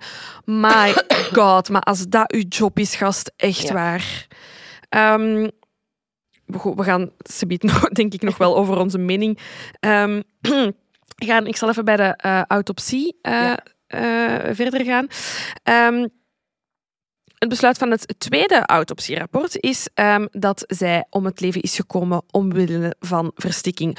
Het tweede autopsierapport, vraag je? Ja, dat is omdat er bij het eerste autopsieverslag ook al werd aangegeven dat het ging om verstikking. Maar de Rijkswacht had daar hun twijfels over. Ehm, zij hadden zoiets van, ja, wij zijn er zeker van dat er niet met de neus op dat kussen is eh, ge- gedrukt. Dus ze kan niet gestikt zijn. Maar dat tweede autopsieverslag was van...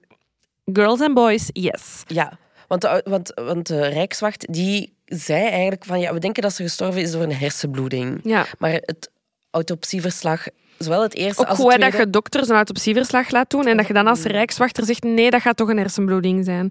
Ja, Ehm, de wetsdokter vult eigenlijk aan en die zegt: Kijk, ehm, de uitwijzingtechniek die dat de Rijkswacht gebruikte in de periode eh, van Semira was uiterst gevaarlijk. Dat is in de medische wereld algemeen bekend.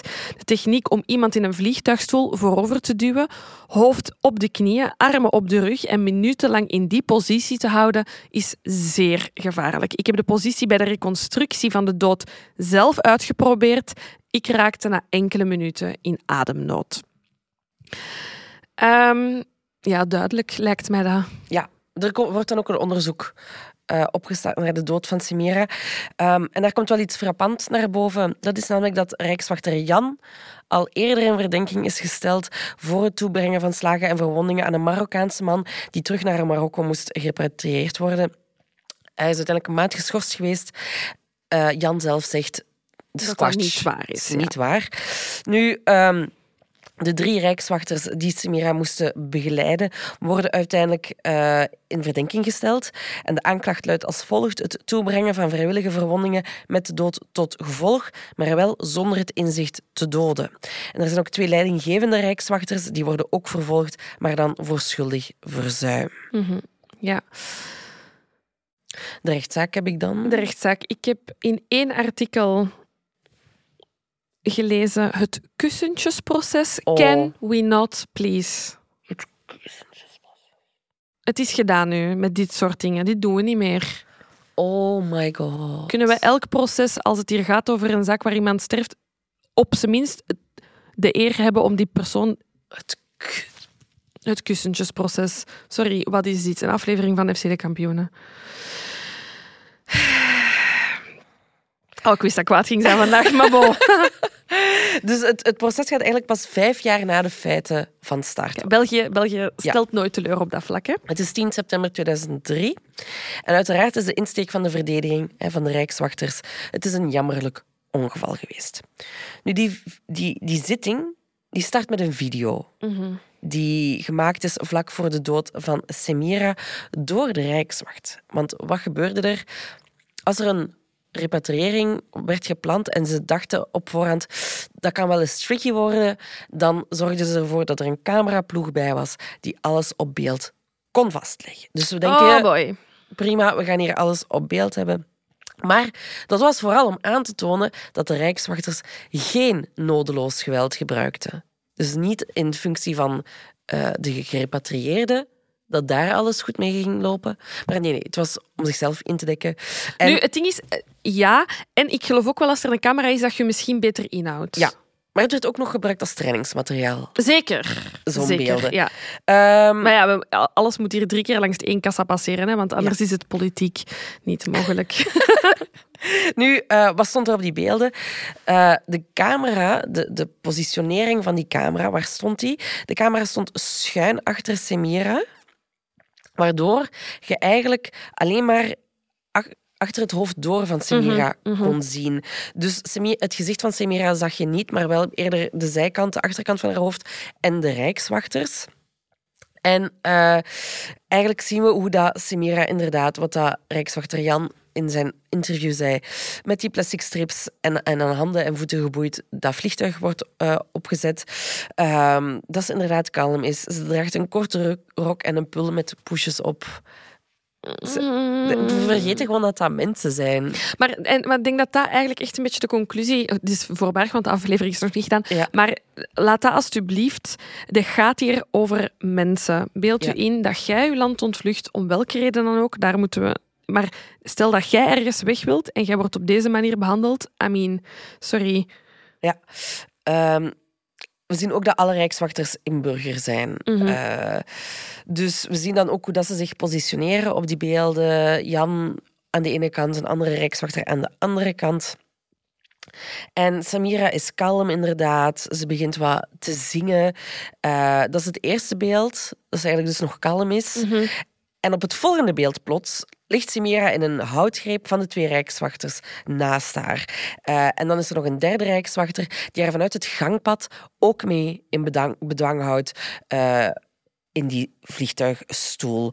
Ehm, maar er, er, op die beelden wordt duidelijk dat die rijkswachters zich niet echt meteen zorgen maken. Er worden Nee. grapjes gemaakt, ook naar het eind. Ik heb eh, voor research purposes geprobeerd om die video te vinden, omdat ik het zelf ook wou zien hoe dat die rijkswachters zich gedroegen op dat moment. Maar ik heb het niet gevonden, en misschien maar goed ook. Nee. Ehm, maar dit is dus wat we gelezen hebben in artikels, dat die rijkswachters zich van geen kwaad bewust waren op dat moment en zelfs zo wat foute moppen maakten over de toestand van Semira ook en zo. Maar oké, ja, ze, ze, we letten er wel op dat ze ademt, hoor. Eh, Maar zo heel nonchalant. Terwijl je wel een kussen op iemand zijn gezicht aan het drukken bent. Enfin. Eh, maar het moment zelf waarop Semira allee, in, in, in coma gaat, als het ware het bewustzijn verliest, is niet gefilmd. Nee, maar dus eigenlijk, ik vond het ook al eh, bijzonder. Ze filmen dus inderdaad het, het, eerste stuk en dan het stuk waar dat ze ehm, haar in bedwang houden. Maar je ziet dus ook niet op beelden wat de reden is dat die in bedwanghouding. ehm waarom, allee, of wat heeft dat uitgelokt? Waarom zet je dit nu aan het doen? Dat, is, dat ziet je niet. En dan inderdaad ziet je die beelden ook niet. Daar heeft de cameraman ehm, een reden voor. Hij zegt, ik moest gaan helpen eh, omdat het ehm, echt zo'n heftige strijd werd. Eh, dus ik kon op dat moment eh, niet filmen. Dus inderdaad, de cruciale info, ehm, die staat niet op beeld. Nee. Even kijken. Ehm, ja, ook die reanimatiepoging en hoe dat medisch personeel, dat staat allemaal niet meer op beeld. Dus ze weten verder niks. Eh, dan gaat de, eh, ja, de rechtszaak eigenlijk over tot getuigenissen. Ehm, en de rijkswachters getuigen ook over het kussentje, uiteraard. En zij zeggen van, kijk, we hebben daar nooit een opleiding over gehad. Over hoe dat we dat kussentje moeten gebruiken. Ehm, hoe we dat dan leerden? Ja, door gewoon als groentje mee te gaan en te kijken hoe dat de ons jij deed. En ja, gewoon goed opletten. Maar besef, allee, ik bedoel... Nee, maar de horror, hè. En Oh. de- dat, is, dat is denk ik eigenlijk wat ik daar straks probeerde te zeggen, is hè, er wordt een, een wet doorgevoerd dat al niet super is. En dan verplicht je mensen om deze repatriëring te doen, wat denk ik sowieso al niet uw lievelingsshift zal zijn als rijkswachter, lijkt mij. Dan wordt er u verplicht om een techniek te gebruiken bij mensen die dat zich verzetten tegen hun uitzetting. En jij hebt no clue wat dat je aan het doen bent. Ik bedoel, uiteraard gaat dat niet goed gaan, hè, jongens. Allee, ja, ja, vind je echt waanzinnig. Ehm, Er is ook een rijkswachtchef die aan het woord komt. ehm, die verantwoordelijk is voor de opleidingen in het algemeen. En die zegt, ja, er, er was in die drukke periode geen tijd meer voor deze opleiding. Eh, vanaf mijn eerste dag daar werk ik van ochtends vroeg tot avonds laat. Wanneer moest ik die opleiding geven? En ik had al weinig volk. maar, maar tegelijkertijd zegt hij ook, kijk... ehm, hij is binnengekomen in dat, in dat vliegtuig op een moment dat Semira al zo'n 20 minuten heel die martelgang, zo ga ik het noemen, aan het ondergaan was. Dus besef, geen opleiding, maar hij zegt ook, ik zag er geen graten in dat het kussentje 20 minuten werd gebruikt. Uit een evaluatieverslag bleek dat het al honderden keren met succes was benut en dat een kwartier wel mocht. Onze richtlijnen zegden dat we er alleen op moesten letten dat de betrokkenen nog kon ademen en niet braakte. Simira kon nog ademen en ze braakte niet. Ik ging ervan uit dat de normale procedure was gevolgd. Omdat het kussentje, voor zover ik wist, zo dikwijls werd benut, dacht ik dat iedereen die verwijderingen uitvoerde op de hoogte was van hoe dat moest gebeuren. Maar je spreekt jezelf hier toch tegen? Ja, absoluut. Want jij bent de persoon die de mensen op de hoogte ervan moet stellen. En je zegt, er was geen tijd voor die opleiding. Dus hoe kun je er dan zeker van zijn dat, ondanks dat het zo vaak werd benut, dat dat correct gebruikt wordt? Je hebt gewoon ziek veel chance gehad dat het tot dan toe altijd goed is gelopen. Tuurlijk. Tuurlijk, ja. Nu, hij, hij spreekt ook over de druk die ze voelde om zoveel verwijderingen te doen. Zegt, hij zegt van ja, kijk, er was politieke druk om meer verwijderingen te doen slagen. want ja, ze deden er wel veel, maar er mislukte er ook gewoon heel veel. Eh, hij zegt de gesloten centra zaten overvol met illegale, steeds meer uitdrijvingen mislukten en er moest een voorbeeld worden gesteld. Ik wist ook dat Semira op het einde van haar termijn was. Als ze niet snel werd teruggevlogen, dan zou de indruk gewekt worden dat het collectief tegen uitwijzingen het beleid bepaalde. Bovendien zou ze in België mogen blijven ik, ik vind dit hallucinant dat het dan zo gaat over... Ja, die mogen geen gelijk krijgen, hoor. Je bent met, ja, met mensenlevens bezig. Ja, ik denk, maar ik denk dat heel veel was... Uh, uh, als er een soort van schuldbesef was geweest... Hoe bedoel je? Bij de, bij de, drie, bij de uitvoerenden... Ja. Uh, dan denk ik dat er veel minder naar hen zou gekeken geweest zijn. Hoe bedoel je? Ja, voor mij, is de, voor mij is de grote schuldige in deze zaak is de Belgische staat. En er, je begint dan aan een waterval van mensen die dat... En ik denk, als die drie, vier, of als de Rijkswacht al eerder zoiets had gezegd van sorry, maar die techniek, allee, kom in opstand als, als, dat niet, als dat niet juist voelt. En ik kan me niet voorstellen dat je niet doorhebt dat dat niet juist voelt. Ik denk dat je, terwijl dat je dat de eerste keer doet, of als je dat meemaakt, dat je zoiets hebt van sorry, dit kan niet de bedoeling zijn. Een beetje wat dat personeel heeft, hè, die piloten die niet willen vertrekken met vliegtuig, die zoiets hebben van dit voelt niet juist. Ik denk als dat er sneller was gekomen, dan was dit niet gebeurd. Maar de grote schuldige blijft voor mij de mensen die dit, dit soort wetgeving doorvoeren. Nu, de Belgische staat zegt wel, uh, wij hebben geen enkele fout gemaakt. Ik weet het. Daarom, en daarom, dat is waarom dat mijn bloed begon te koken. Ja, ja, ja. Want zij zeggen niet alleen, wij hebben hier geen schuld gemaakt, we gaan even kijken of deze techniek wel goed is uitgevoerd door de mensen. Dus ik bedoel, dan legt jij de schuld aan iemand onderaan de ladder die iets moet doen wat dat jij verzonnen hebt als optie B. Ja. Waanzin vind ik dat. Ja, zij, zij zijn van mening van kijk, Semira heeft in, alle, in België alle procedurele kansen gekregen die er voorhanden waren. En haar uitdrijving, uitdrijving was wettelijk net als het gebruik van geweld. Dus ja, zij, zij, wassen hun handen in onschuld en die hebben ze, dan komt het gewoon neer van de wet klopt. Ja, die mensen zullen dat misschien verkeerd hebben gedaan. En daar word je kwaad van. Want nu zeiden eigenlijk ja. een, een andere partij eraan... Die zijn sowieso een betrokken partij, maar je schuift de schuld volledig op die mensen af. En ik denk, ja, zo niet. Nee, inderdaad. Daar word ik um, zo van. Niet. Zo niet. Um, je had net al iets gezegd, ook over de wetsdokter. Eh, die zei van het kussentje was heel, heel erg gevaarlijk. Um, die, is ook, die is ook komen getuigen. En de rechter wil eigenlijk ook heel graag weten van hem van op welk moment is Semira in coma geraakt. En die wetsdokter die zegt, kijk, dat was op het moment toen Semira zich ontlastte.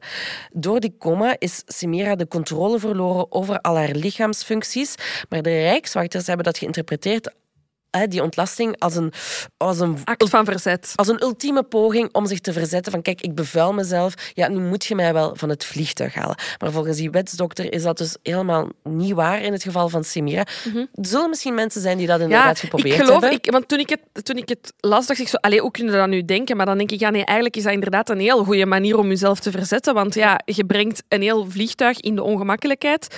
Um, dus ik geloof wel dat ze daar zeker al eens ervaring mee zullen gehad hebben. Maar het is door eigenlijk ja, een samenloop van omstandigheden mhm. er niet alert genoeg op zijn. Um, dus dat Semira op dat moment wel degelijk in een coma was gegaan. Ja, en ik kan, dat vind ik heel moeilijk om te geloven dat je dat niet aanvoelt als een persoon niet meer reageert. nee, inderdaad. Ehm, ja, dat vind ik, ja. Ik heb nog één getuigenis van eh, een vriendin van Semira. Dat was een Luikse dochter, dokter die ehm, ja, eigenlijk ook bij dat collectief zat. Mhm. En zij zei... Kijk, Semira die had de onverzettelijke wil om in België te blijven. Maar eh, ze zei ook van ja, na de vierde poging om Semira uit het land te zetten, belde Semira op en belde Semira me op en zei ze dat men haar had willen verstikken. De volgende keer zullen er doden vallen in Zaventem, zei ze letterlijk. Dus Semira heeft... Ja, dat was ook een artikel van... Een, een titel van een van de artikels, een chroniek van een aangekondigde dood. Semira heeft letterlijk haar eigen dood voorspeld. Mhm. Ja, maar en ook vooral waanzin dat ze die een beetje voorspelt op aangeven van die rijkswachters. Dat zij voelde van... Ja, ja, ja. En wel, ja dat het, het heeft daar alles mee, Ja. mee te maken. Hè.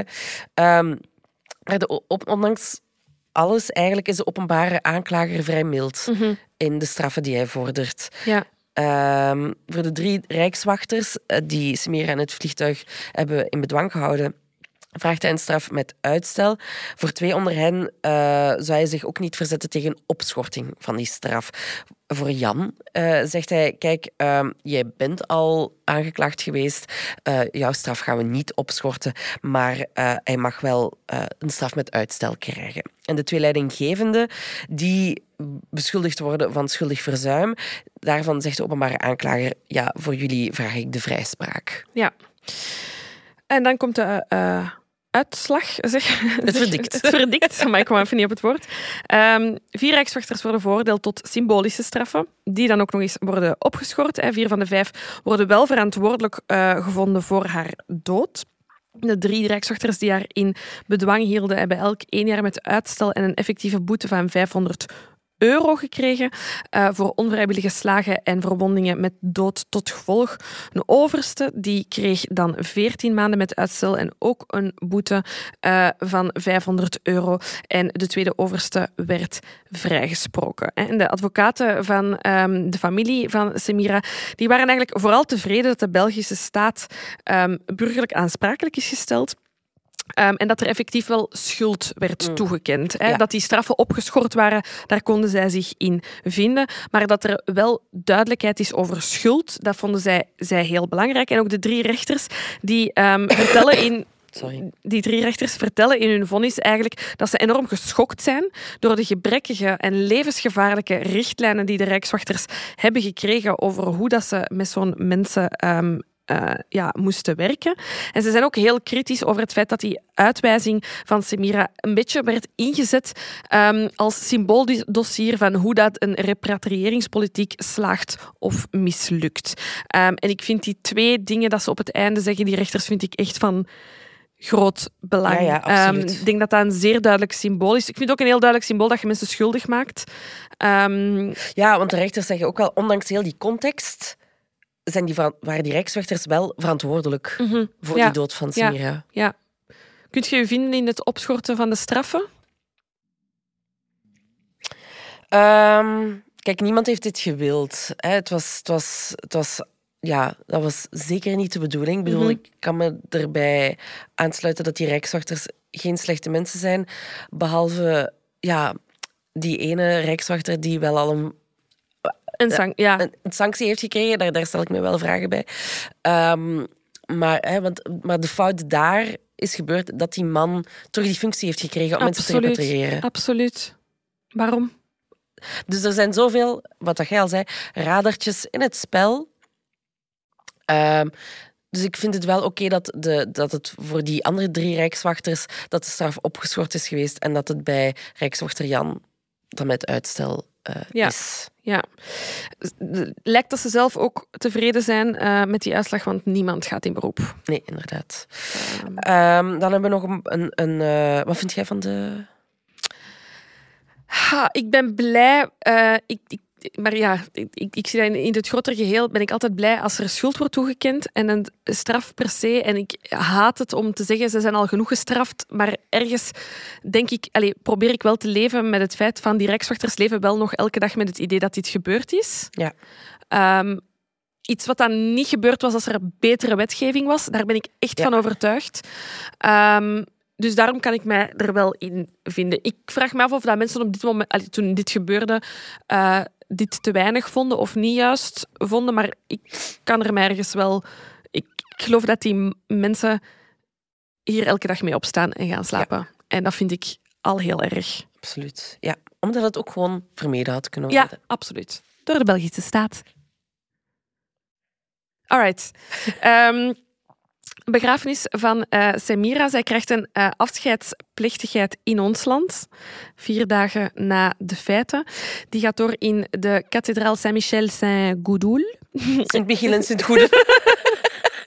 in Brussel. Die kerk kan je kennen, want dat is waar de koninklijke familie trouwt en sterft. Ehm, dus voor alle grote Belgische persoonlijkheden eh, gaat dat door. Vind ik heel mooi dat ze eh, daar eh, afscheid hebben genomen van Semira. Ze waren daar met meer dan 6000 mensen. Toet Stielemans heeft daar een ingetogen versie van Ne me quitte pas van Jacques Brel gebracht. En ehm, het is een beetje een throwback naar een vorige aflevering. Ja. Koning Albert en Paula leveren een krans. Dat is wel hun ding nu. Ja, ja, ja. Ik moest er ook aan denken. Dus, ja. Ehm, en op die herdenkingsdienst duikt ineens een quote-unquote nicht van eh, Semira op. Haar naam is Tina en zij eh, komt uit Italië. En zij vertelt van, kijk, eh, ik ben familie, ik wil mij hier bezighouden met enerzijds deze begrafenis, haar lichaam in het land te krijgen en haar te begraven in Nigeria.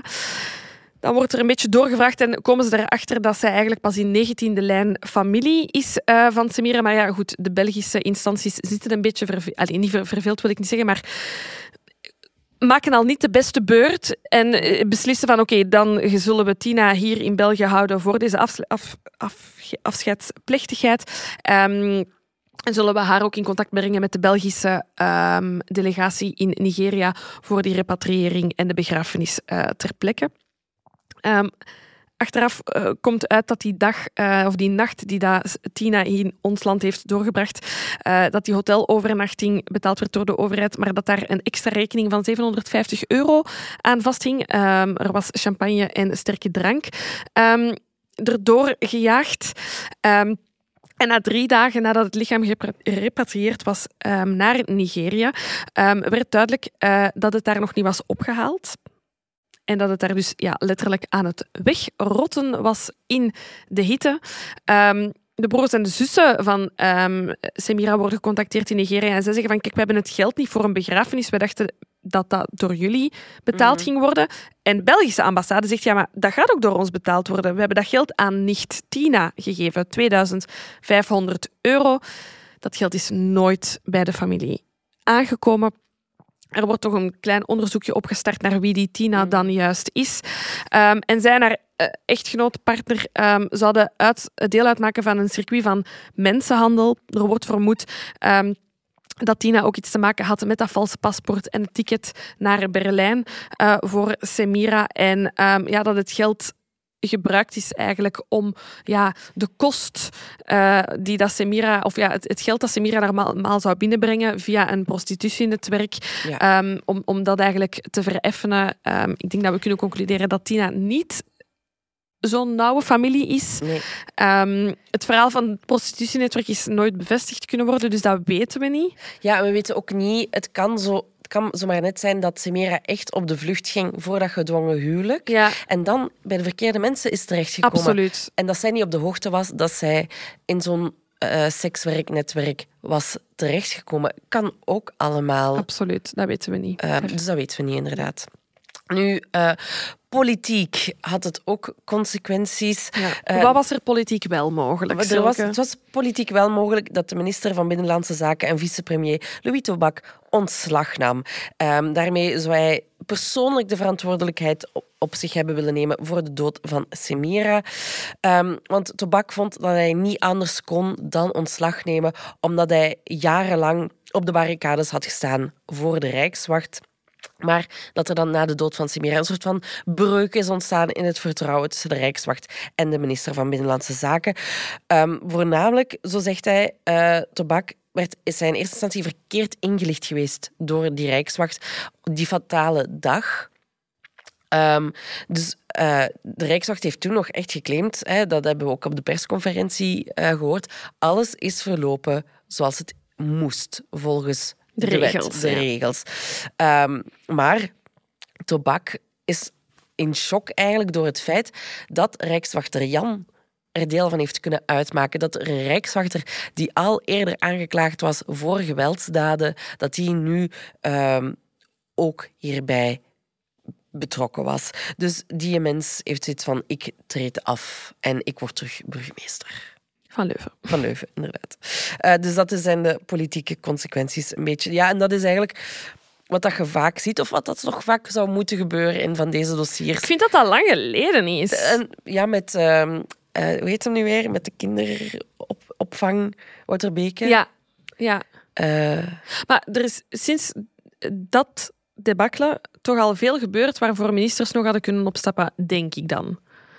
In ieder geval, ik, bewonder, ik bewonder hem wel. Lijkt mij niet de makkelijkste beslissing. Blijkbaar is hij ook door zijn zowel politieke tegenstanders als medestanders hebben zij er alles aan gedaan om het uit zijn hoofd te praten. Jean-Luc Jean de Hane zou hebben gezegd van nee, is niet nodig, je moet niet opstappen, doe dat niet, doe dat niet. Uh, maar dat hij er dus ja, echt zelf niet goed van was als mens dat dit uh, gebeurt is.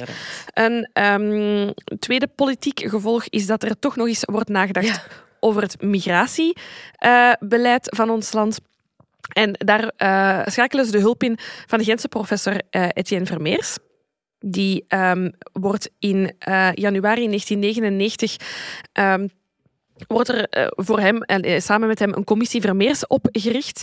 Um, en ze gaan aan de slag. Ze interviewen mensen, academici, mensen uit de luchtvaart, rijkswachters um, en maken eigenlijk een eindverslag van wat, zijn, wat is de huidige stand van zaken. En ze doen dertien aanbevelingen. Uiteindelijk gaan er enkele jaren over en komt er een tweede rapport. Um, waar dat Vermeers echt de bouwstenen aangeeft van we moeten werken aan een humaan en effectief verwijderingsbeleid, zo noemt hij het zelf.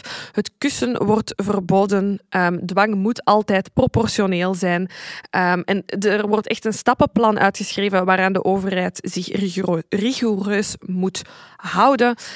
Um, Sorry, maar dat is toch basic knowledge, zou je dan denken? Dat zou je, dat zou je denken. Hè. Um, uiteindelijk uh, publiceert hij met de commissie een tweede verslag met uh, 34 aanvullende um, aanbevelingen.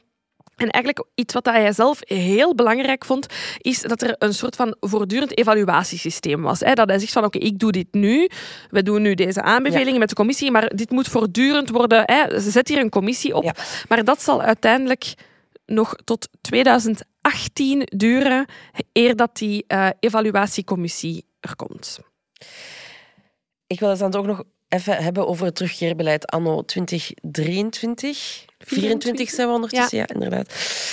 Um, op dit moment is uh, Nicole de Moor uh, staatssecretaris en zij zegt eigenlijk, wie geen recht heeft op asiel of in onwettig verblijf is, kan niet blijven in ons land.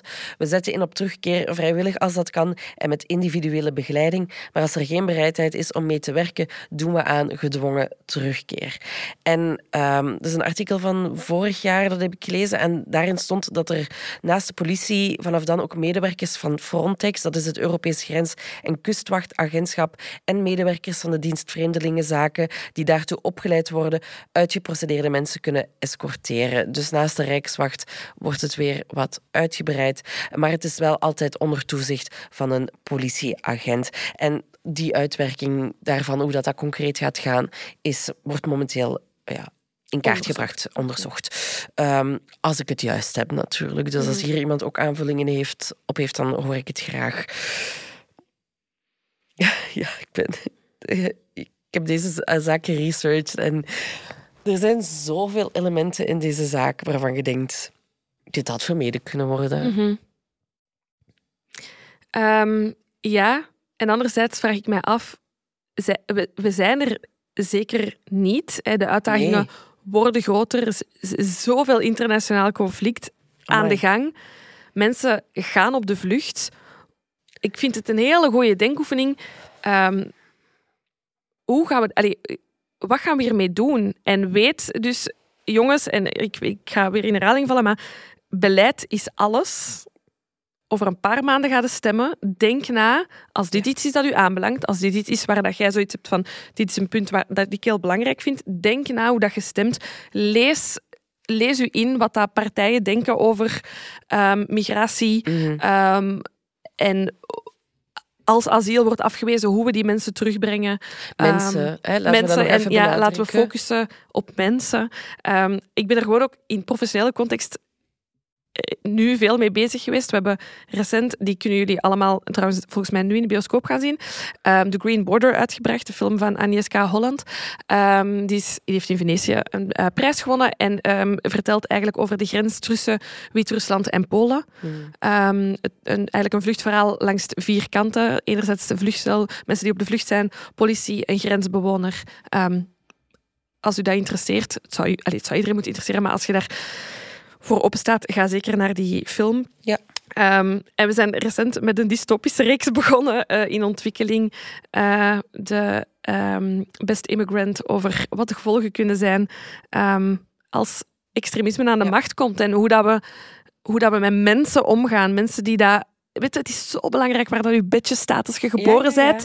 En weet je, je kiest het niet. Hè. Je wordt geboren en je bed staat daar. En ik denk dat iedereen in zo'n situatie hetzelfde zou doen. Hè. Dat is het beste opzoeken. En vergeet gewoon niet dat dat mensen zijn. Ja, je moet je maar eens proberen in te beelden dat er hier in ons land een conflict is. Ja, en dat wij weg willen. En jij wilt weg. Jij wilt dat je familie, je kinderen, dat die veilig zijn. Dat is toch het minste waar dat je recht op hebt. Een, veilig, een veilige haven. Mhm, Een veilige plek. En mensen hebben altijd kritiek. Ja, eh, waarom blijven ze niet in Turkije? Daar is toch ook plek? Ja, als daar niet voor u het veilig aanvoelt... Of jij wilt gewoon ook... Je wilt niet alleen veilig zijn, maar je wilt ook comfortabel leven. Mhm. Ja, en dan reist je verder. Jij zou dat ook doen. Ja, je moet gewoon eh, proberen jezelf eens in die positie te plaatsen. Enerzijds dat en... en, en Ja, we moeten hier allemaal samen aan werken. Hè. Probeer Ja. dat ook zo niet land per land te bekijken. Dit is echt, ik bedoel, Ja, ja. eh, dit is een zeer groot ding dat bezig is. En ik bedoel, migratie gaat niet meer afnemen. We zijn ermee gestart en dat gaat... Ik bedoel, mensen gingen hun geluk, geluk zoeken in de Verenigde Staten. Dit, dit is begonnen en gaat niet meer stoppen. Maar alsjeblieft, laat ons humaan blijven. Absoluut. Ehm, dat, Ik denk dat dat echt super belangrijk is. Dat vergeten we heel vaak, hè, Mhm. omdat het over zulke grote Getallen gaat, aantallen ja. en getallen gaat van mensen die op de vlucht zijn. Je ziet mensen in bootjes zitten, maar dat, je ziet gewoon die boten. Mhm. En dan zijn er weer zoveel mensen gestorven, zoveel daar, zoveel... En je wordt daar gewoon immuun voor. Dat, is, Mhm. dat is normaal, dat stomt je af. Ehm, maar we zouden eigenlijk echt op zoek moeten gaan naar concrete verhalen, ehm, zodat het terug menselijk wordt. Het verhaal erachter, dat dat niet maar gewoon een groep mannen zijn, maar ook... Hè, want het dat is ook vaak het, het idee erachter. Het zijn vaak mannen die alleen komen. Maar dat dat mannen zijn die op zoek zijn naar, naar een betere haven voor hun familie. Of gewoon al voor zichzelf. Mhm. Ehm, en dat moet kunnen. En dat moet beter kunnen. En het moet beter kunnen. Ik, ja, ik snap niet dat, dat daar discussie over bestaat. Nee. Bij deze, bedankt om te luisteren. We zijn er over twee weken weer. En tot op de live shows. Ik hoop het. Jullie komen toch, hè? Ik mag het hopen dat jullie komen. Bye. Tada.